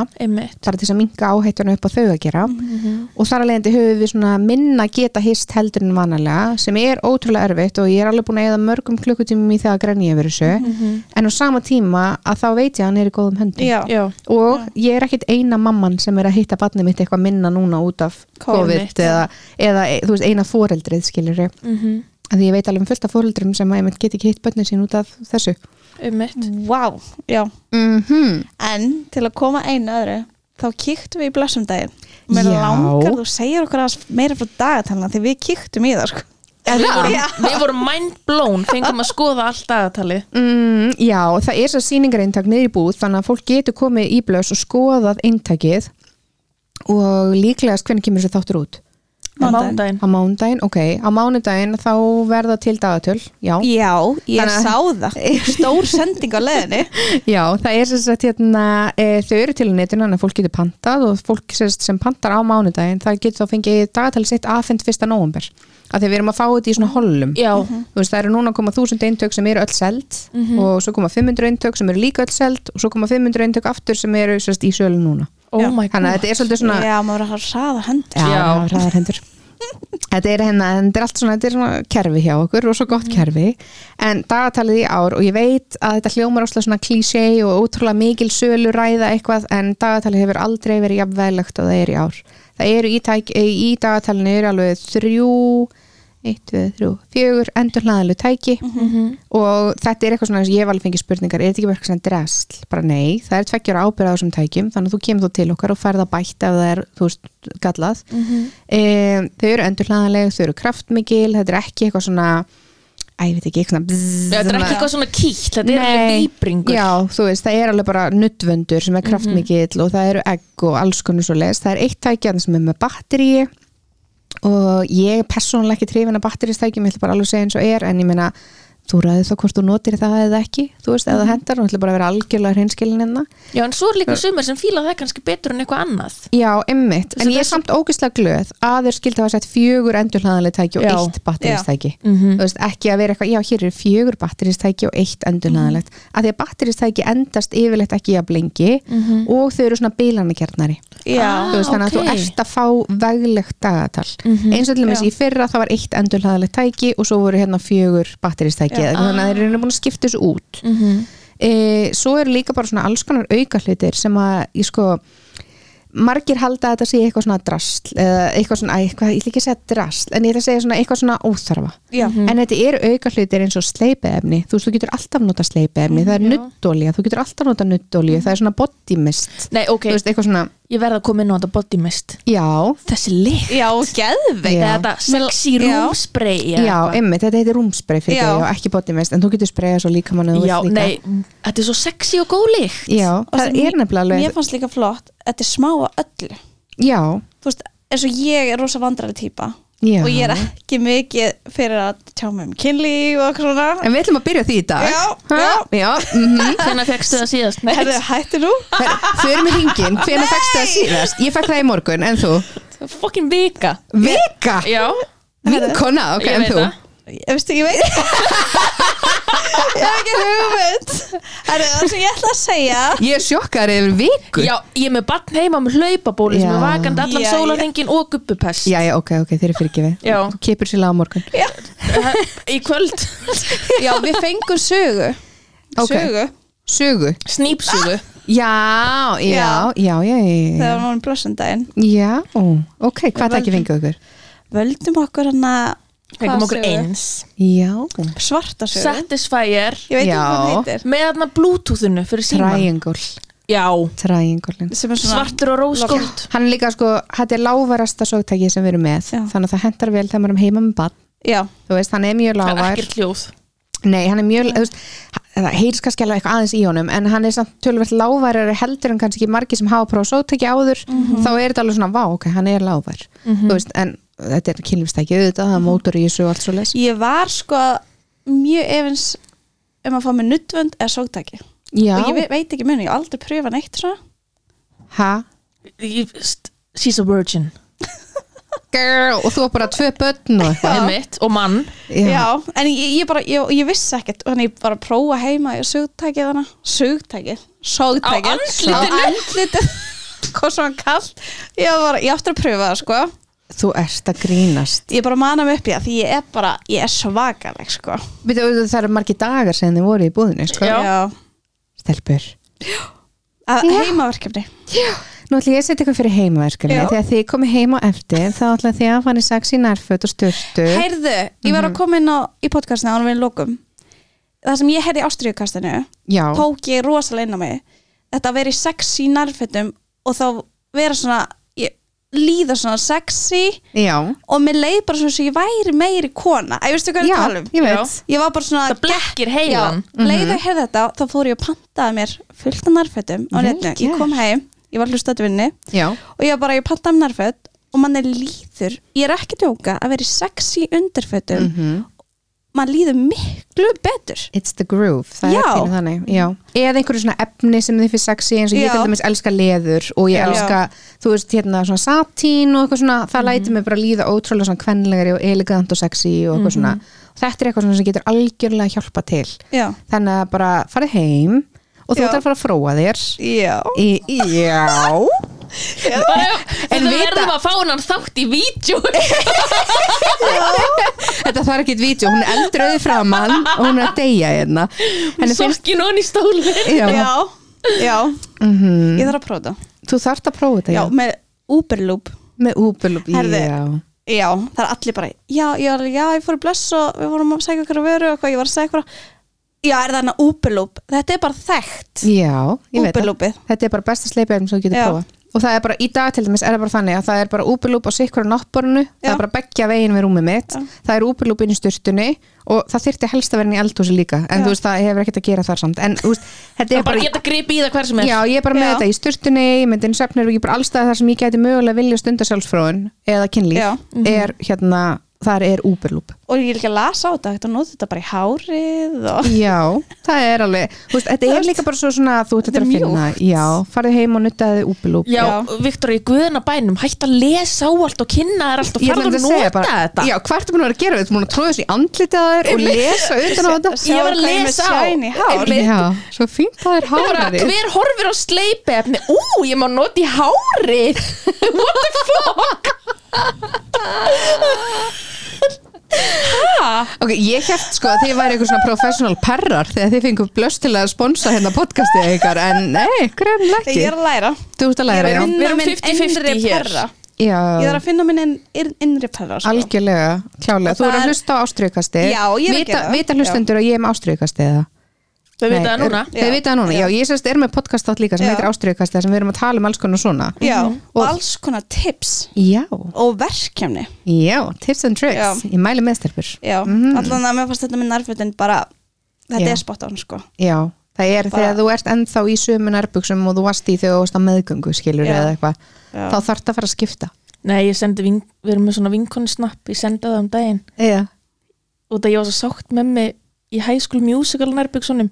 Hvað ég bara tilbaka á vinkunum minna bara Sara, kiftur ekki þessar nærbuksur í áttöldabæk ég vil aldrei handa þér en þetta er samt bara sam og ég, ég átti bara svona uppáhalds túrnarbuxur sem voru svona, það voru svona snúbbínarbuxur Já. og það var bara úr H&M Já, Já. veistu hvað, þetta er svona boxarnarbuxur, ljósbleikar með snúbbímyndum Já. og ég, þetta var bara, þetta var bara the best mm túrnarbuxur og það voru bara svona fastir túrblettir og já. eitthvað ógi í þessu sko þú Já. ekki að fara að vera þessu bara ú, ég ætla að hafa sexy stund með sjálfur. Herðu, og eitt enn að því við erum bara Já. að loka þættinum og ég er alltaf að fá svona mikið túrtappanir Já, við fengum þá ó, ok what? Er ég vissi ekki eins og þetta var til. Þetta er svona svampar sem að Já, eru svo hugsaðar hjarta í læginu Já, þetta er svona hjarta, þrýrningur, einhvern Mhm. veginn svona. Og þessi sem bara komið fyrir legungunum eins og túrtappa Já, og það er hægt að stunda kynlíf með þetta. Já, og það er eitthvað sem að til dæmis margir vita ekki en þetta er Nei. svolítið svona sniðugt fyrir það e, þá mæli ég bara með að ef fólk ætlar að nota þetta í kynlífi og vil ekki að það sé mikið supp og svona, ekki að það skipti einhverju máli bara, að skipta rúmunu eða eitthvað? Já, ymmit, en þá mæli ég bara með að fara í sturtu, skóli eitthvað vel á neðan, setið upp túrtappan, stundið kynlíf, annarkvort sumir, þeir taka hann strax út, en ef, að, sérst, ef það er lítið flæði, þá er oft, oft betra bara að býða aðeins. og lei- leifanum að falla. Já, og leifunum að því hann ætla fer ofalega í mm -hmm. leggöngin þegar sko, stór miskilingur og ég ætla bara að vera með smá kynfræsli hérna, túrtappin fer ekkert. Nei, veist, hann fer ekki, ekkert. nei, hann fer ekki upp sko, þannig að þú stundar kynlið með hann þá getur verið að hann farið frekar ofalega en þá bara annarkur getur þú tekið hann út strax eða ef þú nærðu honum ekki ekki panika lefðu bara að koma smá blóði í tappan og þá tekur hann út síðan, hann fellur niður mm Mhm. hann með þingdinni já, að þetta er náttúrulega bara svampur Já, þetta er bara svampur og þegar hann þingist eða fyllist af blóði eða vökva þá er henni fellur hann niður. Já, mér fannst þetta snild, ég vissi ekki eins og Já. þetta var til Þetta er líka bara svo, ok, hafi ekki upplegað að vera með túrtapa og svo sitið og þið finnir fyrir honum Jú. eða eitthvað svona. Jú, hann byrja að síga eða eitthvað, þú veist, það Já. setur hann ekki nóg langt Já, inn. Emmitt, þú hann ekki náðu djúft. Já. Shit, sko, þessi pía. Hún bara róðnar á að tala um túrtapa. Já, ég segir það ekki nóg háttu ok. Jæja. Já, en til dæmis eins og með þessu, að þetta er svampur. Já. að þá er þetta svo bilaðislega mjúkt og þú getur literally hreift því í allar þær stellingar sem þú vilt án Já. þess að finna fyrir honum og það var eitthvað svona pínu frelsi fyrir mér Já. Þú veist það var alveg svona, ú, þetta er geðvikt eins og það var jóka ég var að hugsa þetta Einmitt. fyrir jókað já, þannig að þá eru svona sniðugt. æðislir og þetta er bara rauninni tekur jafn mikið og venjulegur túrtappi, svona medium túrtappi. Þannig að þú veist, ef þú ert með medium flæði þá myndi ég segja að tappin sé algjörlega svona fjórir tímar. Mhm. ef þú ert með lítið flæði þá getur alveg verið með átta tíma. Mhm. eh, ef þú ert með mjög mikið flæði þá kannski tvo tíma já að þetta er life, game Já. changer og ég held að sé til alveg, fengu þið svona litla í yngum pökkum Já, já, þetta er svona testerar, þetta er Já. tilnir í búð þannig að Já. ef fólk vil fá og koma að prófa þá er held ég eitthvað til af þessu já, og svo er líka með fría smokka við erum með fría smokka, við erum með frýtt sleipefni við erum með fría túrtappa það er mitt mission sko. Já. ég er alltaf með bara svona alls konar gefins þetta er bara revolutionary bara Já. það komast Og- í fría smokka Já, ég Já. mæli líka með bara að kíkja í blöss og fá að tala við þær og segja, Mhm. þú veist, fá bara svona smá hjálp já, ef þau vantar svona ef þú ert eins og Victoria Já, þá er já. starfsfólki til staðar til þess aðstofa Já, ótrúlega fagmannlegt og sagði okkur bara alls konar og ég bara vissi ekki eins og að vera til böpplag sko. þú veist, já. Og ég bara Sérðu hvað ég er að vinna með veistu hvernig Hanna- börnin verða til valla sko. það gerir sko óvart þannig að mér fannst bara ókesslega gaman að fara þangað og fá þessa fagmannlegu bara Já. þjónustu frá starffólkinu líka Já, ég var svo ótrúlega glöð að þú varst að segja mér áðan hvað þið fengið góða þjónustu. Mhm. Ég var svo glöð að heyra það því að sjálfsög er þetta bara eitt af því sem við leggjum mest upp Já. úr og erum alveg bara ótrúlega svona ákveðin með það að starfsfólki okkur gó- fá góða þjálfun og viti vel, þú veist, hvernig vörurnar eru og hvernig það bregðast við þegar mm mætir eitthvað svona fólk eins og þú í Já. hérna búðina sem er bara Nei. Nei, af því þetta er parturinn af þessu. Það er fólk, er, það er lappar inn í búðina og margir er að fara út fyrir sinn þægindaram Já, þannig að hérna, og þá bjóðuð ykkur velkomin. Ótrúlega velkomin. Með opnum örmum. En að því að við erum með sérfræðing í, í stúdíónu og sumir hérna inni hafa verið að upplifa þvagleika Já, já, Já, það er þú, já, þá hérna langar með sko hvort þú gætir frætt hlustendur og það við erum að tala um grindabótskúlunar Já, Mhm. hvernig nota maður grindabótskúlur út að nú sá ég að það er koma þrjári pakka með og veist hvað ég held ég, að því að koma svona tvær svona kúlur saman. Já, ég ætlum að setja bara efstu upp. Já og hefur hinar bara svona lagganga opinu svo sígandi nið Já, bara Þetta svona. er æfing og eitthvað gott. Að því maður veit ekkert ef maður hefur ekki prófað þetta. Einmitt. Nei, nákvæmlega. Þú veist. og það er samt líka eitt af því sem er svo fallegt við þig að þú ert bara að segja mér hvað þér finnst og hvað þú heldur Já. og þú ert tilbúin að spyrja og annað, Já, af því já. annars myndir ekki læra þetta. Nei, alls ekki. Þannig að en grindabótskúlur er hugsaðar þannig að þeim sést komið fyrir ofalega í legungum eins og túrtapa. Þannig að þið setið þær bara svona frekar hátt upp og svo byrjið þið bara á því að reyf ykkur til það virkar ekki að vera með grindabótskúlur og sitja bara. Nei, þú þarft að vera á hreyfingu hvort að standa eða vera þú veist að í sturtu eða að setja uppþóttavelina eða eitthvað svo leiðis til þess að þingdarafli í grindabátskúlinni fái aðeins að veist, reyna á kúlunar eru þannig eins og þú sagðir að koma til dæmis vinsalustu kúlunar okkar heita Nova. Já, þær koma saman þrjár í pakka og það eru mismundi þingdir og mismundi stærðir. Því stærri sem kúlan er og því léttari sem hún er því auðveldar er að haldinu uppi. Og þetta er sérst hugsa svona eins og lóð fyrir grindabotnin. Rétt eins og þú fer í ræktina það liftir lóðum hérna fyrir hendurnar og fæturnar og eitthvað svona þá er þetta sem sér hannað fyrir grindabots og vöðvana þína af því það eru vöðvarnir sem að í rauninni halda við e, þá blöðruna á það. Þess vegna ef þú ert með stakan grindabot þá er rauninni áttu það til mögulega að missa þvag. Já. Þegar þú hoppar eða nærrar og eða, það tengja svo margar við þetta sko. Ég fæk svo mörg skilabóð því að það er senst þætti að já, því í ræktinni þá já, einmitt og ég man til dæmis já, en eins og þegar ég en það er bara eðlilegt. Já, mér langar að koma með nokkur tips fyrir ykkur af því ég man eftir þegar ég var í crossfit einu sinni og það var alltaf bara, maður lappaði inn í sal það bara sippaæfing, það Já. bara var röð á klósettið. Já, þú veist, það var bara allar konur komin í röð á klósettið af því það var sippaæfing, Já. það var bara að losa allt úr ég þarf blöðrunni. alltaf að passa sko. Já, Já. það er alveg þannig. Ég, þú veist, ég er bara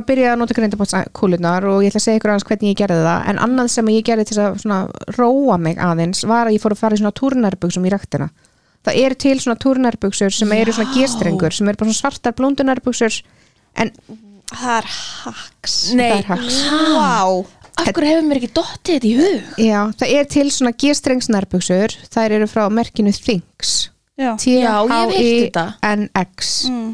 Uh, og ég er bara alltaf í svona eða þú veist, mér finnst það bara það eru bara bæðið mjög sexy og flottar. Þær taka svona eins og hálfan túrtappa. Þannig að ef þú ert í einhverju áreinslu og ert að hoppa og gera eitthvað svona sakalegt að þá allavega ef það kemur blettur þá er það ekki að fara í gegn. Einmitt. af því þær taka alveg, þú veist, tölvert magn. Þannig að ein svona tips en gerið samt grindabótsæfingar Já. og ef þið eru að nota svona kúlur eins og ég gerir þetta allavega þá finnst mér ótrúlega þægilegt að bara regla nummer 1, 2 og 3 að þú geymir ekki grindabótskúlunar þar sem kynlifstækin eru af því að þegar þú ert að fara að nota kynlifstækin þá ertu ekki að fara að gera grindabótsæfingar og það er svo mikla líkur að þú gleymir að nota grindabótskúlunar ef þær eru þarna í kassanum með öllu kynlifstækinu já, af því að þetta er algjörlega sikkur hluturinn. Þú veist, grindabótsæfingar er eitthvað sem að í rauninni er ekkert tengt sjálfsfróun eða kynlífi. Einmitt. Þannig að ég gef mér mínar til dæmis í sturtunni. Mér finnst ótrúlega þægilt að vera bara með þær þar og alltaf þegar ég er að taka djúpnæringu og þú veist að raka með lappirnar eða eitthvað þá bara er ég með grindabótskúlunar á meðan þá er ég standandi og reyfingu og er að gera alls konar svo get ég bara kiftum út og þvegi er á meðan. Í dag nota ég grindabótskúlunar kannski tvisari viku í tíu mínútur korter, þú veist, það er ekkert lengri tíma en það. En þegar ég var að byrja að þá var það þannig að ég var með mjög slagan grindabótn og ég mátti ekki hnerra án þess að pissa á mig. Þá nota ég grindabótskúlunar svona fjóru til fimm sinnum í viku alveg í 20 mínútur í senn en ég fann líka mun eftir tvær vikur Já. já, þá var ég bara fann að finna mun sko. Mhm. og ég fekk meira að segja svona harspurur í grindabotnin þú veist, hafði ekki sem að fengi harspurur í grindabotnin Nei, en ég hef heyrt, heyrt Já, af að ég fekk alveg svona en það sem þið gerir er í rauninni, þið komið bara vel fyrir leggöngunum, svo færið að reyfa ykkur og Mhm. þið þurfið náttúrulega að spenna grindabotnin til að halda kúlunum uppi Einmitt. að því ef þið spennið ekki grindabotnin þá bara lega þær niður Mhm. þannig að og svo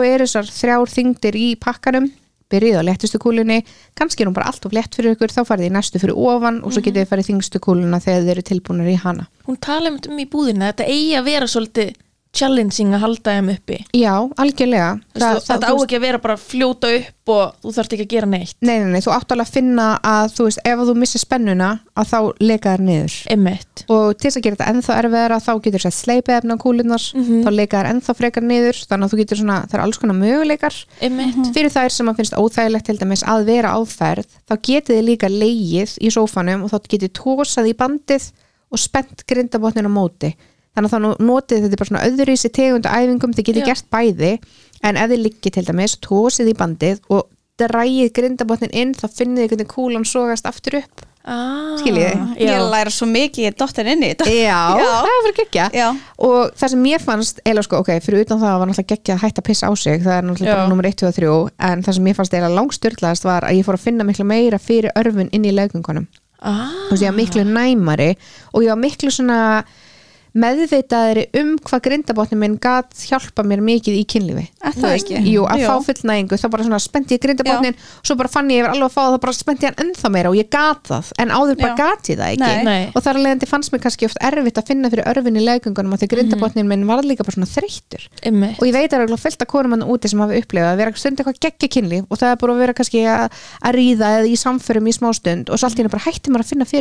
er að að, að að Já, maður er bara um dofin Já, en það er ekki það, það er bara grindabotnin og svo þreyttur, mm hann gefur eftir. Þá hætti maður að finna jafn mikið fyrir. Þannig að þú veist, í staðin ef þú þjálfar upp grindabotnin og ert með ótrúlega sterkan grindabot þá finnur þú meira og þú í rauninni endist lengur. Pínur svona eins og bara með stinningu Já, þú veist, einmitt. að þú bara missir stinninguna eða eitthvað svona, það er saman sem er grindabotnin ef þú þjálfar hann ekki, þá verður hann þreyttur og þá bara gefur hann eftir, þá er hann bara pum, ég nenni ekki meir, Já. þú veist en þú ert bara, jú, mér langar í meir, áfram með þig en þú getur það ekki, af því að grindabotnin er búinn hann er búinn að fá það. Nei, tjók. hann er búinn að fá nóg kveikna og ljósa fyrir frúan hausin á mér sko. Já, ég, mér líka, ég er bara Já. sokkin inn í þetta. Þannig að þetta er eitthvað svona og alltaf þegar ég er að tala um þetta þá er ég alltaf bara svona já, grindabotskúlur eru hérna, eða marga konur halda að grindabotskúlur sé bara þannig að maður pissi ekki á sig og bara eftir fæðingu og eitthvað svona. En það er svo mikið búlsitt Já, þú getur nota grindabotskúlur til að fyrirbyggja það að fá slagan grindabot. Þú getur fengið grindabot, nota grindabots þú getur nota grindabotskúlur líka til að hjálpa þér í fæðingu Já. að því að þú Já. sterkan grindabot þá er auðveldar að íta barninu út og er minni líkur að þú ripnir og annað þú getur nota grindabotskúlu líka til að auka kynkvöld að því að leiðu fyrir að nota grindabot, gera grindabotsæfingar þá ert að þjálfa hana vöðva og þú ert að auka blóðflæðið á þetta svæði Mhm. þannig að þú verður svona einhvern veginn svona aðeins svona spenntari og svona kynferðslega svona örfaður Ú. þannig Og- að grindabotskúlu Já. for the life en svo bara ef ég var hreinskilin hérna þá mín upplifin var þannig að eftir ég átti og minn liður eins og grindabotnum minn væri ekki nóga stinnur já, þú veist, að væri bara eins og, eins og makin myndi ekkert fá út úr þessu já, eins og Já. ég væri bara gölluð. Víð. já, Já, víð, víð. Já. veistu hvað er að tala um já, það er svo Þú ótrúlega veist, margir og, því, og þá upplið að ég ok hvað er með þetta, þetta er örugt svæði Þá við erum ekki að upplifði dæma ég ekki jafn mikla bara svona kynkvöt Já. og bara svona eins og ég væri bara orðin gölluð eftir Já. eignast töpöld skilur já, þú einmitt. veist, maður bara þetta er samt svo mikið svona myth þegar að tala um eins og svona konur verða bara víðar þegar það er bara einhvers Já. börn það er ekki það, það er bara grindabotnin slaknar og það er svo lítið mál að laga það Mhm. Já. þú veist, fyrir, í lang flestum tilfellum þá er einu eina sem þú þarfst að gera er að gera grindabotsæfingar reglulega í einhver tíma Einmitt. og síðan, ok, þetta er kannski ósað leðilegt ferli að þú eru að gera grindabotsæfingar á- í fimm daga vikunar í einhverja nokkra vikur en þegar þú er byrjar á þessu þá þarftu síðan bara að viðhalda þessu. Þú veist, þú, í rauninni þú gerir ekkit grindabotsæfingar fimm sinnum í viku í 20 mínútur for the rest of your life. Einmitt. þú veist, þú gerir þetta bara núna, kemur í form ferða Já. að vera meðvitaður um grindabotnin og síðan bara gerir þetta svona inn á líka lag- bara sniðugt Já. bara á mótnana, maður að busta tennur, greiða sér, mála sig. Mm. eða bara fyrir háttin, úr að þrýfa þér make-upið eða já, hvað sem er þetta er svo stutti tími já, þetta tekur enga stund já, og líka bara þú ert enga stund að hendur sinn sko. Mhm. þú veist, þú getur annarkvort eins og til dæmis ég bara með úpilúp og kúlur Mhm. þú bara setur úpilúp á það, skellir þú sinn og svo ertu bara eitthvað að veðsanstundin Mhm. að baða í gæri var ég að raka mig og bera með brunkukrem og eitthvað svona tekur allt saman tíma og og bara, finnur mun í kynlífi Þú Já. finnur mun bara að þú getur já, endist lengur já, ég endist lengur já, ég finn bara að ég auðveldar með að spenna Já. og ég get auðveld svona spennt fastar. Já, þú veist, svona, hafi ekki meira séð út úr þessu. Já, hafi ekki séð hérna ó, ég er svo fara svo langt út fyrir umræðum sko. það er hérna, það var eins og svona challenge á hérna klámsíðunum, ég veit ekki hvort þessi mikið á klámsíðum, en ég allavega því ég er í þessum bransa þá fylgist því svo mikið með alls konar svona Bara hvað, hvað fætti sér nýjung og já, svona eða bara eitthvað svona, hvað er í trenda á Já, hérna já. Tjók. Já, en einu sinni það var svo mikið trend að Já. það var að vera að gefa út svona bíómyndir eða svona klámyndir þar sem að konan, hún er reyni hreyði sig ekki neitt, hún satt bara óna manninum sínum og hún leta hann fá það einungis með því að spenna og losa grindabotnin. Hafið þið séð þetta eða? Nei. þetta var ókslega mikið svona trend. Þetta var bara svona í rauninni að reyna að láta maka henn fá það án þess að hreyfa þig. Og þú í rauninni bara sast og nánum spenntir og losaði grindabotnin er þið allar að gera grindabotnsæfingar núna eða? Já, Já. það var spennu Já, af því að þú veist, það er í alvörinu örfun fyrir hann þá er hann bara að upplega svona, Já. þú veist, svona nutt inn í Og þetta leikunguna virkar maður finnur það líka í kynlífi ef maður spennir þá eru þeir alveg bara "Hæ?" Já, Eða þú hvernig eru þeir? Já, þannig að hérna ég, þú veist, ég, ég, mér hefur ekki tekist þetta, ég er ekki það mikill master, sko, ég kannski ekki beint heldur lagt miklar hérna bara í þetta. en þetta getur verið markmið. Já. Þannig að hérna, var alltaf gott að vera með markmið í lífinu. Já. hvert er þitt markmið? Markmið mitt er að maður minn á að fá það Já. út frá nei, en svo er það líka annað bara ef að makiðin er inn í þér þú veist, ef makiðin er með tippi og er inn í þér og þú gerir grindabótsæfingu þá líka finnur þú svona, ok, ég er spenna. Já, skilur, en ef ég sit hérna bara og ég er eitthvað, ok, hvort er ég að reyna að halda í með prumpi eða pissi eða hvað er ég að gera?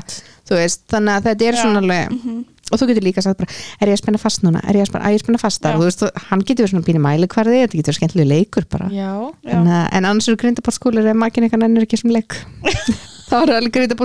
fínar ég held að flestir myndir nennan þessu Æ, ok, woohoo! Ég spurði líka sér að leðinni Ég leði Sara, ertu búin að prófa sögtæki? Ekki segja mér það, ég leði mér langar ekki að vita. Nei, Já, hún Vá. spurði mig og áður en ég gætt svarað vildi hún ekki vita svarið yes. Halló Ég- vinkona sko ég er Þú að- Við erum búin að vera bestu vinkunur síðan í Já, grunnskóla ég er að fara núna, þú veist Þetta er gott Já, Já. þú ert Þetta að er koma, gott. þú, Þetta er að koma. ég er Já. ótrúlega stolt að þér, Viktoria, í Þetta er gott Nei, líka sko annað, ok, getið ímyndað ykkur ef þið væri ókslega feimnar við að tala um mat Það er bara eitthvað, oh my god, nei, nei, nei, ég get ekki talað um þetta ekki, Er þetta súkulega gott, ekki segja mér það, ekki segja mér gott Þú veist, hvað er mikil, svona miklar hömlur sem fylgja því?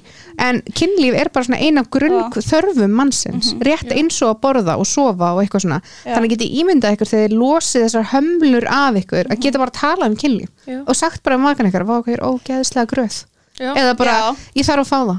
Og þú veist, þá Já. annarkur bara fróður þér eða hann, hann sér um þetta Ég bara þannig alin upp að það hefur alltaf verið svo opið á heimilinu, ég er ekki að tala um það að fóreldrar mínir hafa bara eitthvað verið að stunda kynli fyrir fram með Nei, en svona í lægi að tala um þetta. Já, ég hef alltaf ekki að tala um þetta eins og mamma var hjá mér í síðustu viku eða um helgina og ég hef með síndinni tækið. Og hún Já. bara, ú, er þetta snýpsuga? Bara, "Ó." ég eitthvað, já, þú verður að fá þér. Hún bara, já, geggja. Já, Þetta er bara svo eðlilegt. Þetta er svo miklu, miklu heilbriðara en ég er ekki að segja, veist, auðvitað hafa allir sín mörk og auðvitað hafa allir rétt á því að þú veist, vera bara með sín mörk og svo Algjörlega.